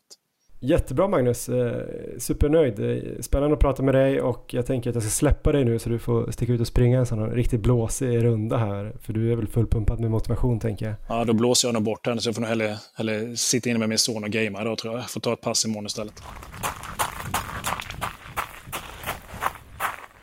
Ja men det där var alltså Magnus Lindvall om eh, motivation. Erik, en ganska teoretisk eh, intervju kanske det blev jag vet inte om den var så inspirerande i sig, men det är ganska intressant att höra vad som föder motivation, eller vad tyckte du? Ja, men det är spännande och eh, jag har ju upplevt det under mina år här när jag har sprungit att eh, det har ju varit lite olika typer av motivation, motivation som har styrt för mig, så eh, det var intressant att liksom få lite begrepp. Ja men precis, jag tänkte att vi skulle bara bryta ner några grejer och kanske ge något typ av eh, konkret eh, exempel, för Magnus var ju inte så sugen på att ge konkreta exempel av förklarliga skäl då. Allt passar inte alla såklart, men jag tänkte bara när jag pratade med honom och när jag lyssnat på honom tidigare så kände jag ganska snabbt varför jag ändå har någon typ av eh, bra motivation eller stark motivation eller vad man nu ska säga för just löpning. Om man tar de här psykologiska behoven som är grundläggande som han pratar om kompetens, autonomi och samhörighet, tillhörighet så är det ganska enkelt att förklara varför jag gärna vill springa varje dag eh, utifrån dem. Då, då tänker jag så här, kompetens känner jag att jag har lärt mig väldigt mycket under de här åren med podden. Vi får ju ringa upp en massa duktiga löpare och tränare och forskare hela tiden och, och lära oss saker. Vi läser mycket. Jag har gått den här PT-utbildningen. Jag känner att jag eh, får chansen att påverka kanske omgivningen lite grann via podden. Jag utvecklas eh, kontinuerligt då på, i löpningen än så länge i alla fall. Jag känner att jag behärskar den och sådär. Så kompetens känns ju glasklar att, att eh, det behovet tillfredsställs. Autonomi, jag känner ändå att jag springer för min egen skull. Det är väldigt frivilligt och jag har ganska stor valfrihet eh, när jag väljer pass. Jag har inte haft någon coach eller någonting.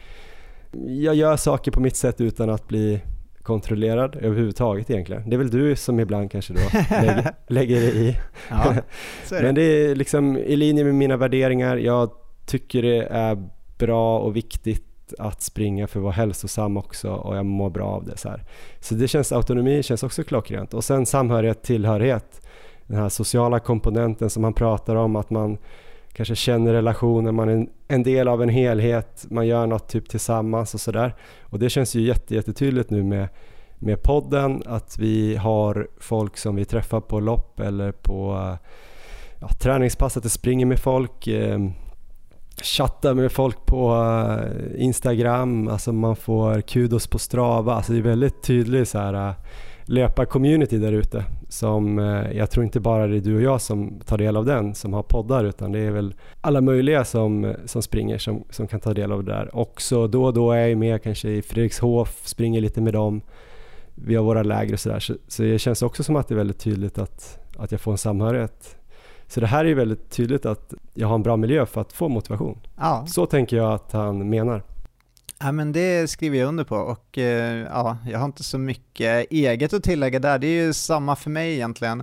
Eh, absolut med kom kompetens och autonomi. Sen så samhörighet just med podden och allt det, där får man ju en, verkligen en boost. Eh, sen så tränar jag faktiskt mest själv nu för tiden. Det är för att jag tränar lite speciellt så att det är ju inte lika lätt att få till de här gemensamma passen som jag kanske hade när jag tränade inför maraton. Och det var många duktiga maratonlöpare här i Uppsala som tränade likadant. Men, eh, men den delen får man ju även på andra sätt. Men jag tänker också att man, eh, nu har vi motivation att springa du och jag sådär men jag känner att många kanske som lyssnar på det här kanske inte har motivation till någon grej, typ styrketräning eller rehabträning men om vi skulle ta typ styrketräning så här, det är så svårt, man vet att man borde kanske göra det för att eh, hålla ihop bättre och kanske dessutom bli lite starkare och faktiskt få ett bättre steg och eh, prestera bättre också. Så tänker jag att man kanske ska gå in i de här då, som han sa, och kolla på vad kan man ändra på miljön, till exempel kompetens. Då tänker jag bara att man kanske ska välja ut övningar eller få övningar av någon PT som är ganska enkla och man tycker de är roliga. Det känns som att man lyckas med dem varje gång man gör dem. de är inte för svåra att man står på en eh, balansboll på ett ben och så ska man peka 47 grader med högerbenet utåt och sen man får dra en liten gummisnodd som hänger uppe i väggen. Utan de är enkla att göra, man kanske kan göra dem hemma eventuellt. Bara en kettlebell eller, eller en skivstång på, på gymmet. Eh, man känner att man kan dem, man kanske skriver ner varje vecka vad man tar i vikt och hur många reps man gör. Man känner att man kommer då bli bättre antagligen, man ser att man utvecklas då tror jag att man kommer känna att man behärskar och får, får den här kompetens eh, behovet tillfredsställd. Autonomi, får man väl också, den tycker jag är lite svår så här när man tänker det med valfrihet och frivillighet. Om man vill göra en grej som man egentligen inte vill göra.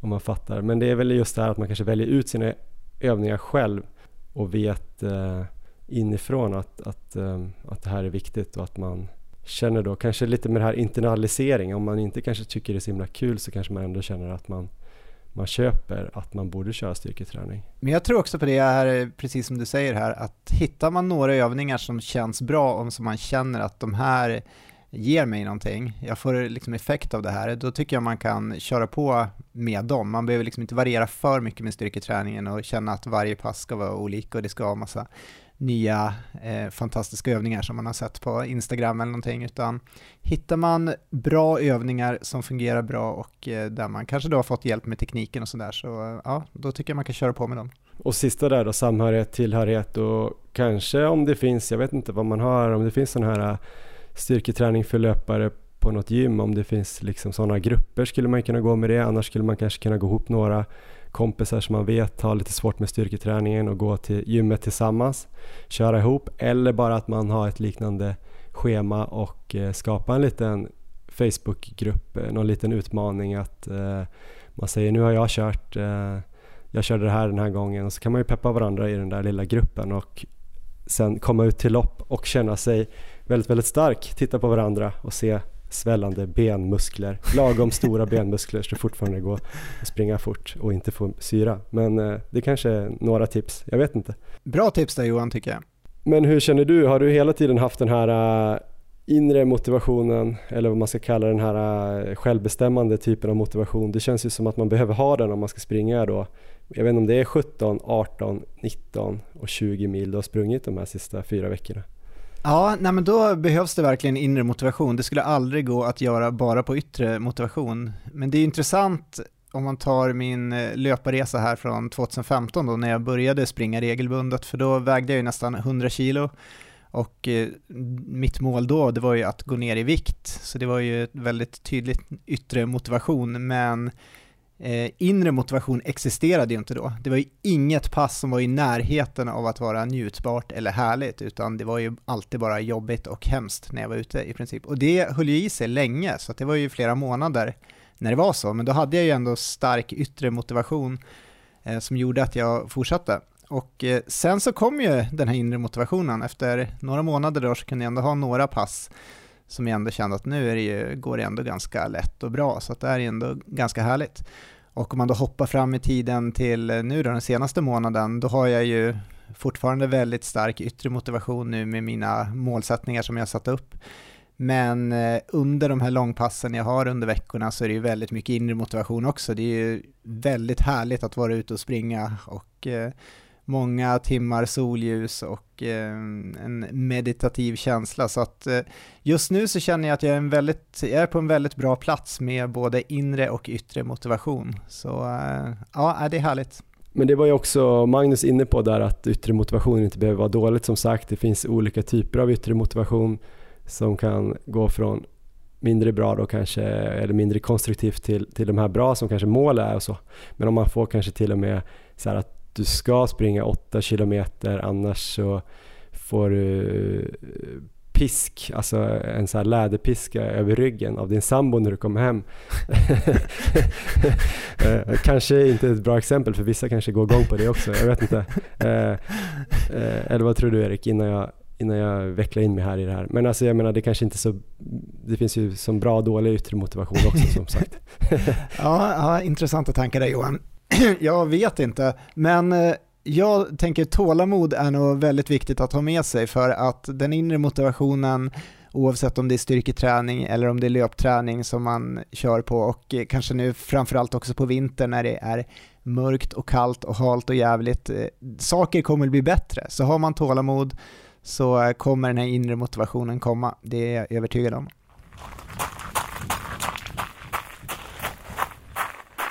Ja men nu Erik ska vi presentera ett nytt segment här i podden. Eh, mycket, mycket spännande ska det bli. Vi har ju ett samarbete med Maratongruppen här under våren och eh, då framför allt med tre lopp de här loppen som numera har Adidas som titelsponsor. Det är ju då Stockholm Marathon i början av juni men också premiärmilen den eh, 27 mars är det väl och premiärhalvan 23 april. Och vi ska ju träna då en löpare här under våren till de här tre loppen där då eh, såklart Adidas Stockholm Marathon blir höjdpunkten. Eh, är du taggad Erik? Jag är mycket taggad både på loppen och på eh, hela det här, vad ska vi kalla det, projektet. Det ska bli spännande och roligt.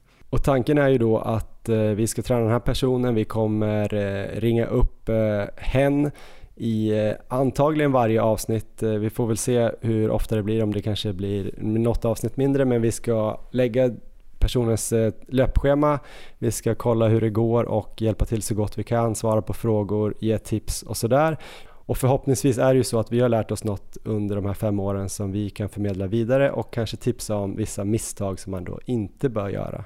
Innan vi drar igång då och ringer upp den här adepten för första gången så ska vi då också eh, hälsa här från maratongruppen att eh, det finns en eh, prishöjning för maran och premiärmilen som låg som att den skulle höjas 7 februari men den kommer flyttas fram så innan 21 februari kommer det vara ett litet lägre pris och sen kommer en prishöjning där 21 februari. Så det är ju väldigt bra att komma ihåg, så gå in och eh, anmäl er om ni vill och har lust att springa lopp. Men Erik, eh, ska vi ta och ringa upp eh, den här personen då, Big Mike? det tycker jag, det gör vi. Ja men sådär ja, nu har alla lyckats koppla in sig på eh, Teams här.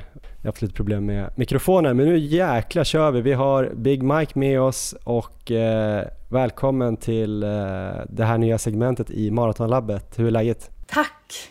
Eh, jo men det är bra. Det är väl också nu jag ska erkänna att jag har covid va? som, en riv, som en rivstart. Eh, men jag mår bra. Ja. ja. men vi jobbar mycket med dramaturgi i Maratonlabbet så att eh, det är liksom höga toppar och djupa dalar och det blir mycket bättre story då. Så att vi börjar med en, en sjuk då, patient eh, och sen kommer vi se dig springa en bit under 3.30 på Stockholm Marathon den 4 juni. Så det kommer bli fantastiskt. Eh, ja, nej men det var inte därför vi valde dig, att du skulle bli vår adept. Eh, för att du var sjuk utan det var ju för att du hade en eh, ganska härlig bakgrund och ett roligt brev till oss eh, eller ett meddelande på Instagram. Mikaela Bergman heter du då, inte kanske Big Mike. Exakt. Men du heter det på Instagram. ja. Förvirrat här nu. Men berätta lite om dig själv och din löpning Mikaela. Ja, eh, nej men jag såg ju det här inlägget och så tänkte jag att eh, det skulle passa mig rätt perfekt. För jag har sprungit på känn i typ hela livet. Eh, och det är så att jag har aldrig, jag har sprungit ett lopp eh, och det var förra året. Och innan dess var jag rätt skeptisk till att springa på tid och eh, springa med klocka och jaga liksom bra puls och sådär. Eh, men det ändrade lite, eh, det här loppet. Och sen dess har jag gått runt med den här klockan och velat bli bättre och bättre. Så att jag har väl sprungit och sprungit utan någon riktig plan. Du har ju hamnat helt perfekt om du, eller vad säger du om det här Erik? Eh, det här med att hon kanske inte har gillat att, att mäta så mycket saker och nörda ner sig i träningen. Passar det i maratonlabbet? Ja men det kommer ju bli ändring på det nu, kan vi väl redan avslöja här tycker jag. Eh, så att det, det kommer ju ett schema då som kommer börja från och med måndag, för alla er som lyssnar då den här veckan, så kommer ju Mikaelas eh, träning dra igång då. Då får, vi, då får vi hoppas att eh, du är frisk från covid också. Ja men precis, det är 18 veckor till eh, Stockholm Marathon idag egentligen. Och eh, du ska ju också springa då premiärmilen mm. och premiärhalvan som ingår i den här hela den här satsningen mot Stockholm Marathon, vilket ju vi känner kommer passa perfekt. Det är åtta veckor till premiärmilen mm. och jag tror att det var 12 veckor till Stockholm halvmaraton och sen är det 6 veckor då från halvmaran fram till eh, Stockholm maraton. Och eh, vi ska väl gå igenom lite, vi fastnade just för det här att du har sprungit planlöst, eller du skrev i ditt mm. meddelande att du bara, jag bara springer och springer. Jag vet inte riktigt vad jag ska göra riktigt. Men just att du hade börjat bli intresserad av att, eh, att styra upp din träning och vi tyckte det var kul i alla fall att att få på något sätt kanske knuffa dig i någon riktning. Sen om det är en bra riktning eller inte, det får vi väl se. Och vi vill inte säga än att det kommer bli hjälp för dig. Det kanske gör att vi hjälper dig och dödar ditt löpintresse. Det här kommer vi få se under våren.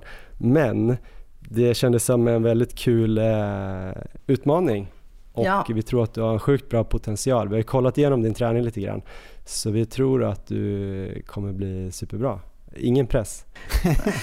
Men vi tänkte för att även lyssnarna ska få känna, lära känna dig lite grann också så tänkte vi gå igenom lite grann eh, några frågor och svar som vi har skickat till dig som vi kanske kan dela med oss så vi vet vem Mikaela Bergman är. Först och främst då, målen våren 2022 är ju då premiärmilen, premiärhalvan och då kanske framförallt Stockholm Marathon.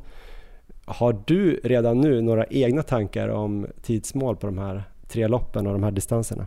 Ja, jag har väl det. Eh, och som jag också har sagt till er så skickar dem lite i så rädsla och tänkte att nu kommer de tycka att jag är naiv och eh, att de är helt orimliga. Eh, men eh, på milen, det skulle ju vara trevligt att springa på 43 minuter. Mm. Eh, känns väldigt snabbt. Eh, men låt oss hoppas. Och sen halvmaran på 1.35 och så maran då på 3.30. Så det är drömmålen. Och då ska vi säga då att det här loppet som du har sprungit, det enda som du har sprungit under ditt i alla fall vuxna liv var Stockholm halvmaraton i höstas som du sprang på 1.42.47.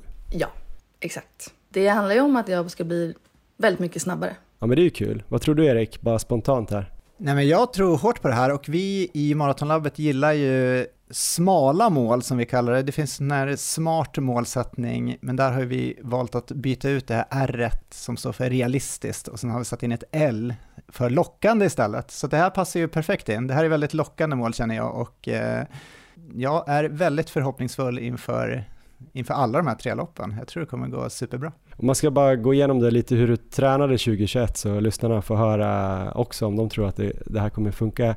Eh, hur sprang du då? Du sprang lite planlöst men du började styra upp det lite, lite med den här eh, virtuella coachen för Garmin som jag fattar det. Men hur mycket tränar du en vanlig vecka ungefär löpning? I genomsnitt så brukar jag väl träna fyra till fem gånger i veckan. Eh, och jag brukar landa på ja, men runt fyra mi- mil, mer eller mindre. Eh, det. Och det är väl så det har sett ut. Och jag har väl främst bara sprungit då. Eh, så inte liksom stöttat upp med någon gym. Största veckan då? Hur mycket har du sprungit som mest någon vecka och hur har du känt då? Ja men då har jag sprungit sex mil eh, och då tänkte jag nog inte så mycket på det. Eh, utan det var väl bara en, en bra vecka. Jag hade mycket tid eh, och så blev det kanske något extra långpass den veckan. Eh, så att, eh, jag skulle nog ändå säga att det, det kändes bra, uppenbarligen. Och eh, hur långt har du sprungit som längst då på ett och samma pass och hur, hur snabbt gick det? Ja, men det är halvmaran. Och då sprang jag ju på 1.42.47. Och det är väl 4.53 tempo. Ja, jag tror Ja. vi räknade ut det. Ja. men min. Garmin sa 4.50. Ja, men det är för att den alltid tror att man springer lite längre när man springer på lopp eller att den mäter lite fel. Men eh, jättebra, men då vet vi lite grann. Och sen har jag också läst, eh, du har kört väldigt hårda eh, intervallpass eller snabba intervallpass. Något som var 5x5 minuter i 4.00 tempo.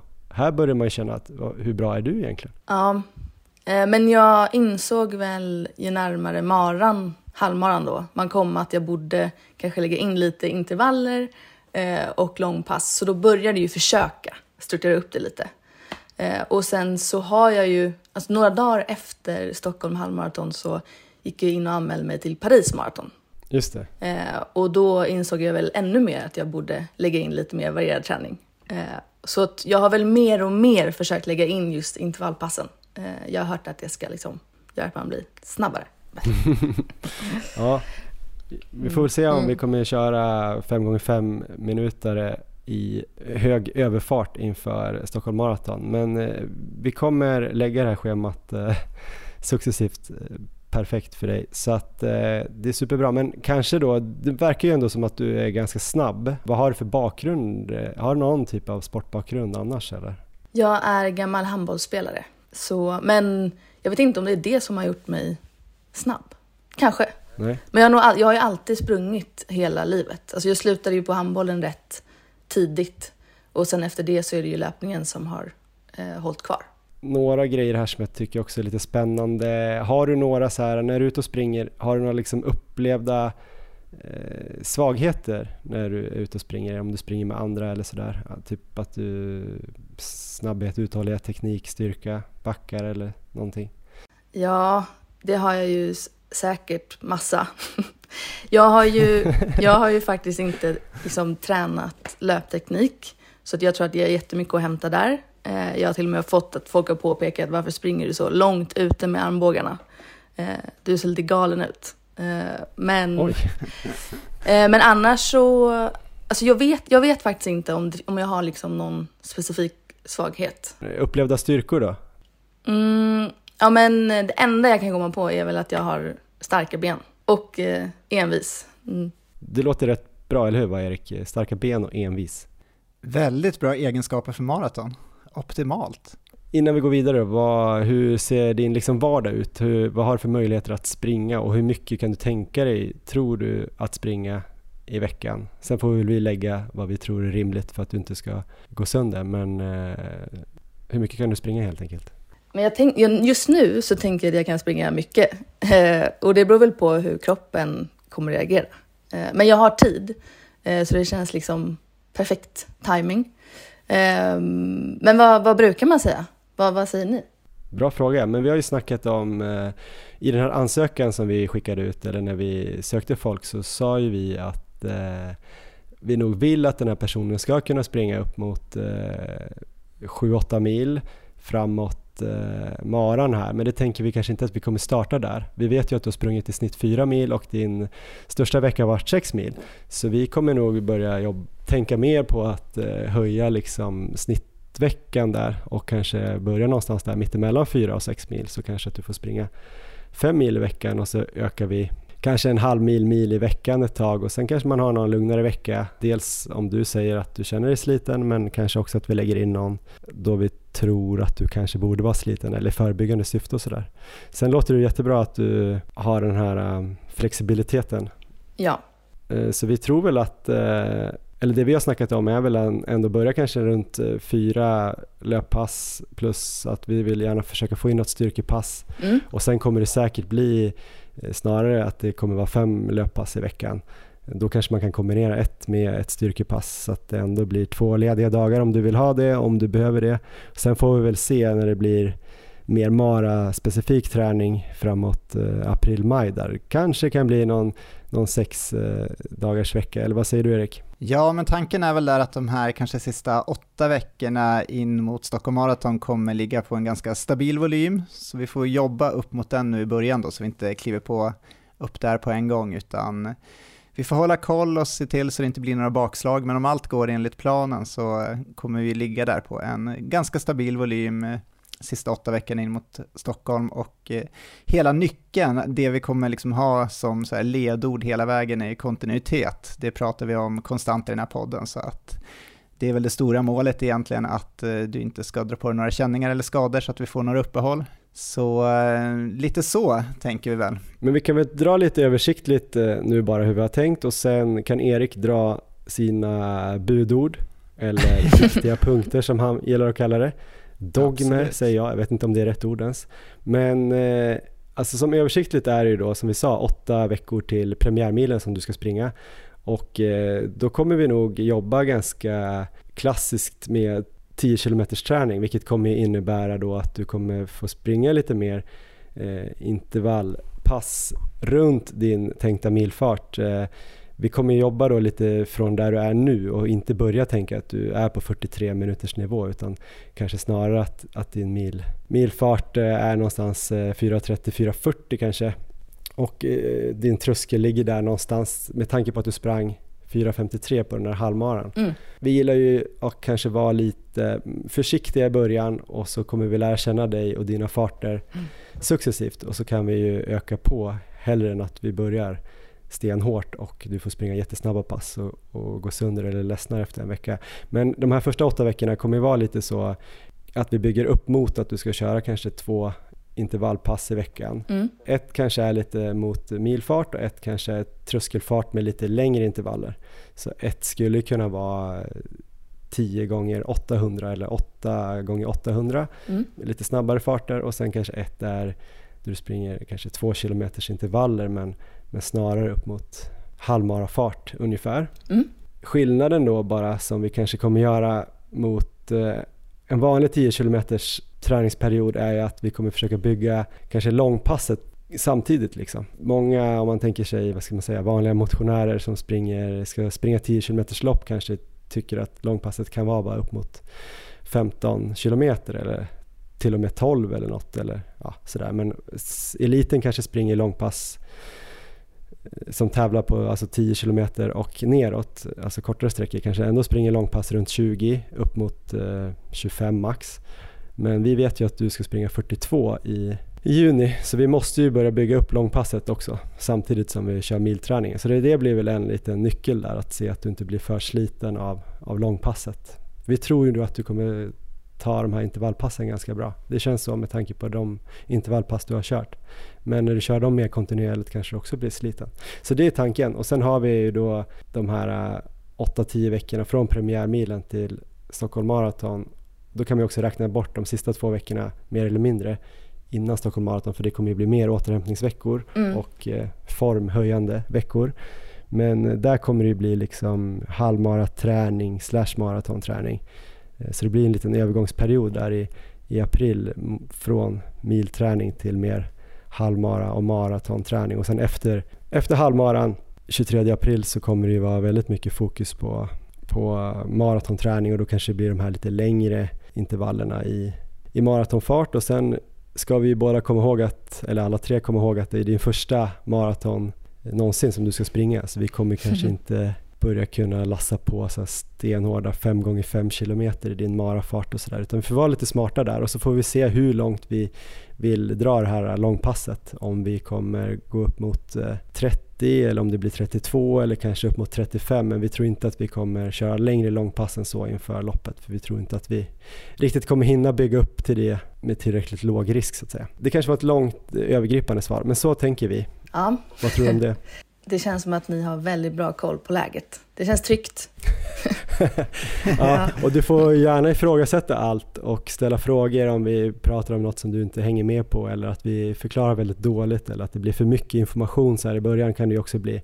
Eh, känn dig inte kvävd av den informationen utan se det som en möjlighet och ställ frågor antingen till oss här när vi spelar in eller, eller skicka till oss. Ja, Så kan vi ju, du ska bara känna dig inspirerad. Du ska behålla din glädje till löpningen, din kärlek till löpningen som har gjort att du har hållit på och sprungit. Och, och du har ju en hund också som verkar jävligt snabb. Den ska vi också försöka få med på några pass. Eh, sen verkar ju den göra att du får svinbra farter på vissa pass. Så vi, du får skriva in när du har hunden med dig, för den drog ju dig. ja jag vet. Den drar ju dig rätt hårt. Så att, ehm, ja, men så, det, det var väl typ lite om det. Jag tycker att det bara känns kul faktiskt. Så än, Ja, än är jag inte rädd. Eh, och det kommer nog komma en del frågor.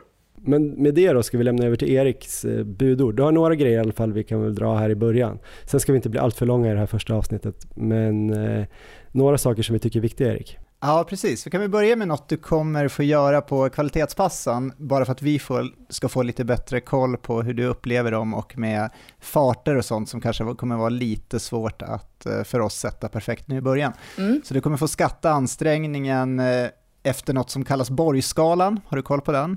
Nej. Det är alltså en skala då som går från 6 till 20, där 6 är ingen ansträngning alls och eh, 20 är maximal ansträngning. Så vi Okej. kommer skicka över en bild på den där så kommer du få skatta dina kvalitetspass efter den. Mm. Men eh, med det sagt då så ska jag gå igenom lite viktiga punkter här, eller mina budord som Johan så fint kallar det. Nummer ett då, det är ju att eh, vi inte vill att du ska springa med smärta, så om du känner att du liksom får ont under passen, avbry- avbryt hellre det passet eller avstå. Just för att behålla den här kontinuiteten som vi pratar mycket om.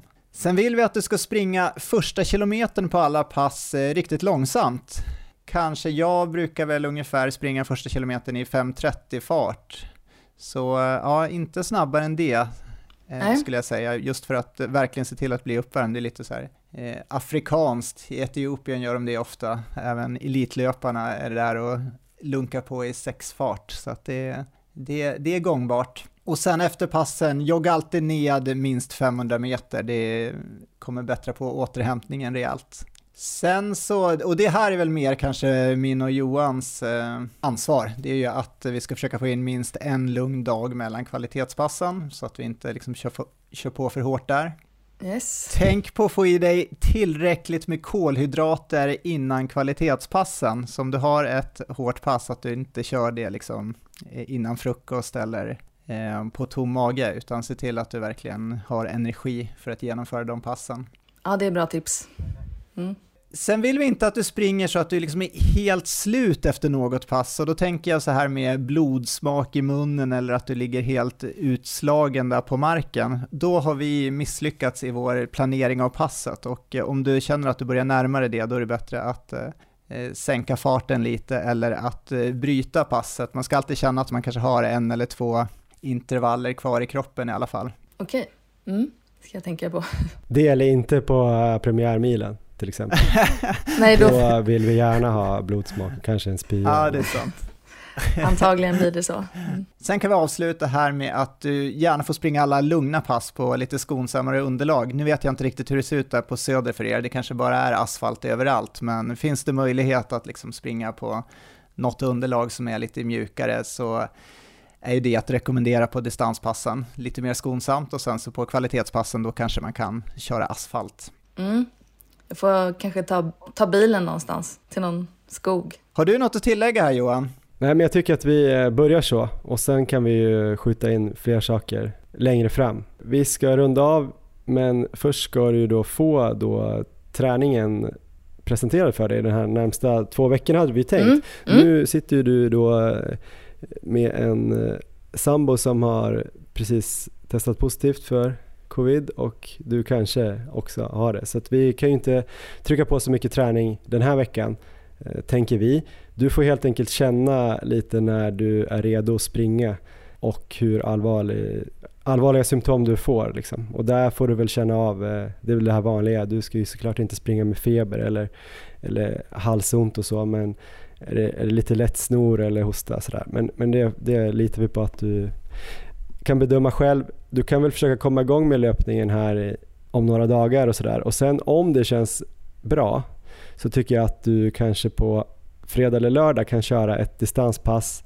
Alltså när vi säger distanspass så menar vi inte då som man kanske trodde när vi började springa att, att det är lång, lång distanspass utan bara sådana här lugnare pass Mm. eh, mellan kvalitetsträningen. Men det finns ju också någonting som kallas för kenyansk distans eller progressiv distans där man kanske börjar då i 5.30 där som Erik sa och så kanske man jobbar sig uppåt mot eh, någonstans, ja det kan man ju bestämma själv, men säg att man jobbar upp mot eh, halvmarafart eller 10k-fart sådär Okej. mot slutet. Ja men då kan man känna lite hur det känns Mm. tycker jag. Så det är Mm. ganska bra pass sådär att det blir lite lätt kvalitet men man kan avbryta så fort om du börjar känna liksom om du kommer ner till 5-10 så så känner du så här, nej men det känns inte så himla bra i kroppen. Då kan du ju ligga kvar 5-10 eller, eller sluta springa eller jogga långsammare tillbaka. Så jag tänker ett progressivt eh, distanspass på ungefär 10 kilometer där du startar 5.30 och kanske avslutar någonstans eh, ner mot 4.50.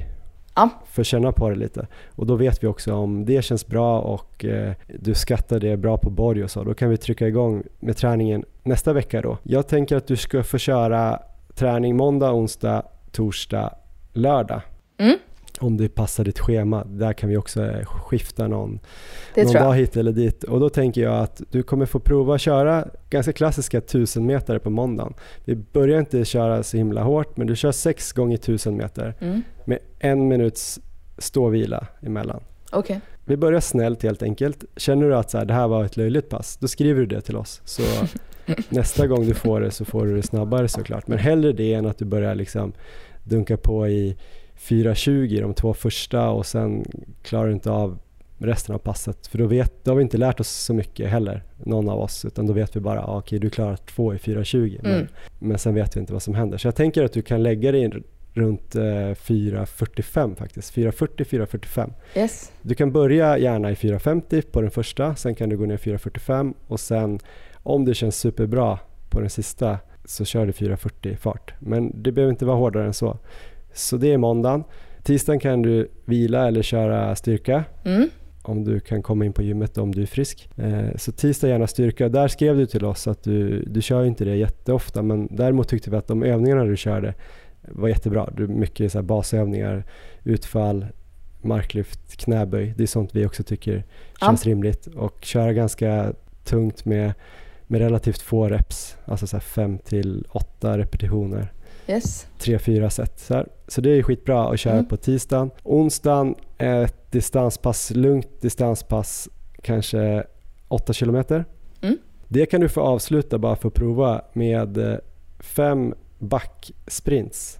Okay. Eh, så ungefär 60 meter kan vi säga första gången. I slutet av passet så springer du helt enkelt fem backar på 60 meter om du har någon bra backe. Det gör inget om den är 50 meter heller men du springer max upp i princip kontrollerat och eh, så går ner. Ja. Det ska ju då väcka igång kanske kroppen tänker vi inför torsdagspasset som kommer vara då, eh, vi kommer köra fem gånger 1500, nej jag såg fel här, vi kommer köra fyra gånger två kilometer. Okej. Okay. Så det kommer bli ett litet kanske tuffare pass för dig som vi tror är ganska bra på korta intervaller med, med mycket vila. Så att mm. fyra gånger två kilometer, det blir relativt tufft. Vi tror att du fixar det. Kör en minut stå och vila där också. Mm. Den kan du lägga runt din eh, halvmarafart då, så 4.50. Ja, ska bli. Och sen vilar du fredag och sen lördag vill vi att du ändå kommer igång med det här långpasset. Så om allt har känts bra, att du har kommit igång i den veckan och du inte känner några symptom från din covid, då, då vill vi att du ska springa 20 kilometer där på, på lördagen. Och det kan okay. vara lugnt, eller det ska vara lugnt. Och vad, vad är lugnt? Vad är lugnt Erik på långpassen för uh, Mikaela? Ja, nu kommer det bli nördigt på riktigt här, för nu ska jag gå igenom lite distansfart här. Och eh, då, då vill jag gå tillbaka till avsnitt, nu ska vi se, avsnitt 77 av podden tror jag det är, som vi diskuterar just vad som eh, är den optimala distansfarten. Och där tog vi fram tre faktorer kan man säga som kan hjälpa till då att farten inte ska bli för hög. Och det är intensitet, puls och just den här skattade ansträngningen som jag pratade lite om tidigare med Borgskalan. Om vi tar då eh, intensiteten så i det avsnittet, det här kan ju alla lyssnare nu gå tillbaka och lyssna på, jag ska inte gå igenom exakt vad vi kom fram till där, men det var i alla fall att eh, eh ungefär 65% av den farten som man springer 5 km max på, det tyckte vi var en ganska bra fart att eh, ha som en slags eh, nyckelfart för distanspass. Mm. Om man går igenom puls då så är ju tanken att man ska inte gå över 75% av maxpuls. Så för mig till exempel som har 185 i maxpuls, då har jag koll på att jag vill inte över 140 för då ligger jag troligen lite för högt i ansträngning på distanspassen. Och efter den här Borgskalan då, då fick vi tips av Patrik Kärdal som är tränare i spårvägen om att cirka 12-13 ungefär på Borgskalan, då ligger man ganska bra på de här distanspassen. Så du kommer få ett spann från mig och Johan, vi har inte riktigt tagit fram det än, men vi har ju sett här på din träning tidigare att vi tycker att eh, de här Eh, om vi ska kalla det lugna passen, har ju gått lite för fort kanske. Du har ju sprungit i 4.50 till 5.00 fart eh, på de flesta passen. Och det kommer vi dra ner lite så att vi mer kommer polarisera din träning så att kvalitetspassen kommer vara snabba och eh, distanspassen kommer vara lugnare. Så ja, till, tillbaka till frågan då, det var ett långt svar där, men långpasset ska ju gå i distansfart och jag skulle väl gissa att någonstans runt 5.30 kanske, vad tror du om det Johan? Ja men det låter rimligt. Eh, jag tror om man skulle göra din eh, uträkning så skulle det säkert landa på att det skulle bli ännu långsammare. Men med tanke på hur du har sprungit och du känner att 5.00 känns ganska bekvämt så tror jag ändå att eh, skulle vi börja lägga 5.45 så skulle du bli så uttråkad. Så, men jag tror någonstans runt 5.30 Eh, beroende på hur du springer eller vart du springer, om du sticker ut i skogen eller om vad det är för underlag och, och, och sådär. Du, alltså det får vara långsammare. Mm. Behöver, men hellre att du inte springer snabbare. Gör du det på 5.40 så är det helt okej. Okay. Du hade någon sambo där va, som var långsam. Ta med honom. ja. Nej men det här det är en eh, bra lärdom faktiskt. För jag tror att jag eh, alltid har haft det som att oavsett hur långt man springer eh, så ska det ändå vara hyfsat jobbigt. Så det är nog därför jag alltid har legat liksom, eh, med ganska hög puls och, sprungit runt ja, fem. Typ. Ja men det är väl en ganska klassisk grej att man springer alla passen i eh, någon form av mellanmjölksfart då, som man brukar säga. När man inte då kanske springer jättemycket för då pallar man ju det. Om man springer tre gånger i veckan, tre, fyra gånger i veckan, fyra mil, då orkar man ju springa sin halvmarafart kanske alla passen. Men om man sen börjar springa lite hårdare, vissa intervallpass och sen, då behöver man de här lugnare. Så att eh, sikta där någonstans. Det kommer bli superbra. Vi har inte så mycket mer att säga nu. Det blev ganska långt eh, men det är inte så konstigt eh, första gången vi träffar dig och vill få lite koll på dig och eh, vi gillar ju att snacka också om träning som du märker så vi får försöka dra ner på det lite grann så att du inte blir kvävd som sagt. Men eh, hur känns det nu då? Känn, ångrar du att du skickade in? Nej, nej det gör jag inte. Det, det känns bättre nu än när ni faktiskt skrev att eh, ni skulle bli mina coacher. Fick jag riktigt mycket handsvett och blev jättenervös. Men okay. nu känns det, det känns bra. Härligt, men då får du se till att krya på dig så fort som möjligt och komma ut eh, på någon runda här så hörs vi via mail eller på Strava där man kan följa dig va? Får man göra det? Mikaela Bergman? Det får man. Absolut. Med CH? Exakt. Eh, så där kan man ju kolla och sen så har ju vi någon tanke då på att kanske starta en Strava-grupp eller en Facebook-grupp där man kan också gå med där vi kan posta dina eh, träningsveckor som vi kanske också kommer lägga upp på vår Instagram mm. och sådär. Och så får alla stötta dig då och du får inte känna någon press, du får bara känna glädje. Jag ska försöka. Och folk får haka på. Det vore kul. Ja, det blir skitkul. Tack för idag. Vi hörs eh, om två veckor då. Tack, tack. Hej då. Hej då. Ja men sådär Erik, eh, nu har Mikaela gått och gjort någon sån här dunderkur med honungste eller något för att bli bra från den här covid-smittan och ska sen ut och springa. Det känns väl som att det här kan bli bra va? Ja, det kommer bli suveränt bra och det är ju bara för alla lyssnare här, alltså oavsett nivå, om man siktar på att springa under tre timmar eller fyra timmar så får man ju följa Mikaelas träning där och ta till sig eh, ja, de tips man tycker verkar vettiga. Så får vi hoppas att eh, hela det här projektet kommer hjälpa många. Och man kan ju som sagt då följa Mikaela Bergman med CH då på Strava om man vill. Och eh, oss kan man ju också kolla på om man vill se eh, galna träningsveckor alla Erik Olofsson. Han heter Erik Olofsson på Strava. Väldigt, väldigt mycket långpass. Långpass som Aha. vi andra springer korta distar känns det som. Och eh, jag heter Johan Forstedt då. Vi får se vad det blir för typ av träning för mig i Kina, i Peking, i någon sorts eh, bubbla där i tre veckor. Kommer jag kunna springa överhuvudtaget? Det kan ju vara intressant. Det kan ju bli så att du kör 20 mila veckor och jag kör 0 mila veckor här nu, tre veckor framöver. ja, vi får hoppas att du hittar ett löpband. Jag tror ändå på det. Det lät ju lite positivt. Ja, men det är ju polariserat om inte annat. Att jag inte kör någonting och du kör svinmycket.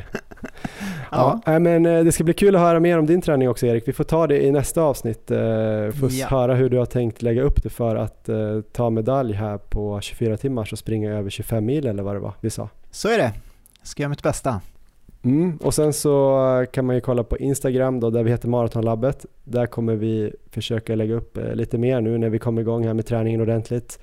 Där kanske Mikaela dyker upp då och då. Hennes schema bör ju komma upp där i alla fall. Och vi skulle som, så mycket som möjligt kanske prata då eh, halvmarafart, 10k-fart och så 5k-fart och sånt där så att det blir översättningsbart för alla då som ska följa, följa med som kanske inte satsar på exakt samma tider.